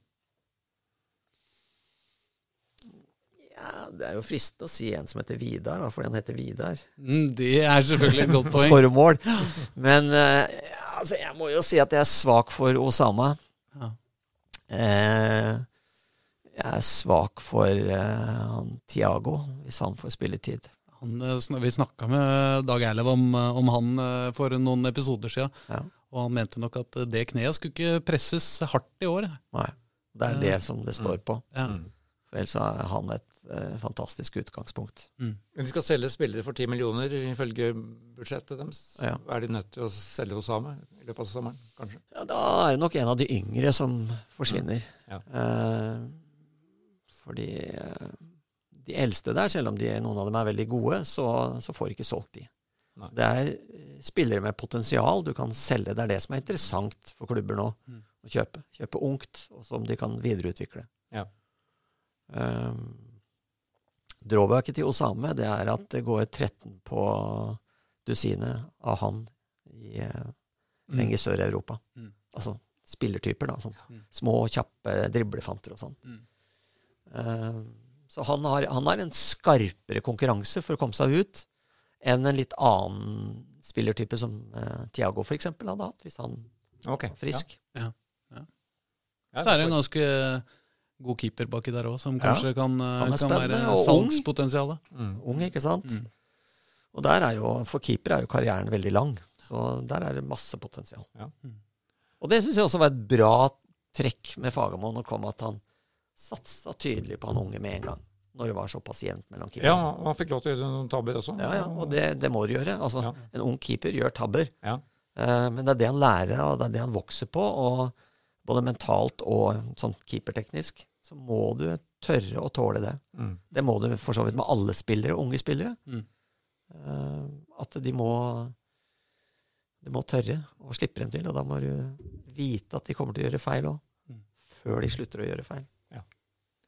Men dere, Så kunne vi snakka en time til om mesterliga og superliga. Og ja, det, det, det kan vi ikke begynne på nå, Men vet du. begynne engang, vet du. Men, men da får vi ta neste podkast. For du er jo tross alt mesterligastemmen for, for mange. Ja, ja. Hvor mange år ble det? En- 18? 21 år. 21 år. Det kan ikke bli 21 år med Superliga? Nei. Jeg, jeg, jeg håper ikke det blir noen år med Superliga. Nei. Tror du det blir noe av i det hele tatt? Nei. Nei. Det er godt å høre. Men jeg har lært at man skal ikke være to timer hos en fysioterapeut og komme ut med vondere i ryggen enn man hadde når man kom inn. Så nå tror jeg kanskje at vi sier tusen hjertelig takk for at vi Ja. fikk komme, Vidar. Veldig hyggelig å mimre litt igjen. Det er så mye moro. Ja, det er veldig raust at vi fikk denne tida. Og Yes. vi skal få det mer moro med både Vålinga og andre. Ja ja, vi gleder oss til å se Vålerenga. Yes. Ha det. Ha det godt.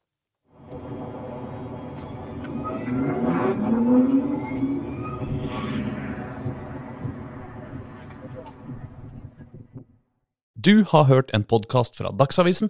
Ansvarlig redaktør heter Andreas Heen Haaland Karlsen.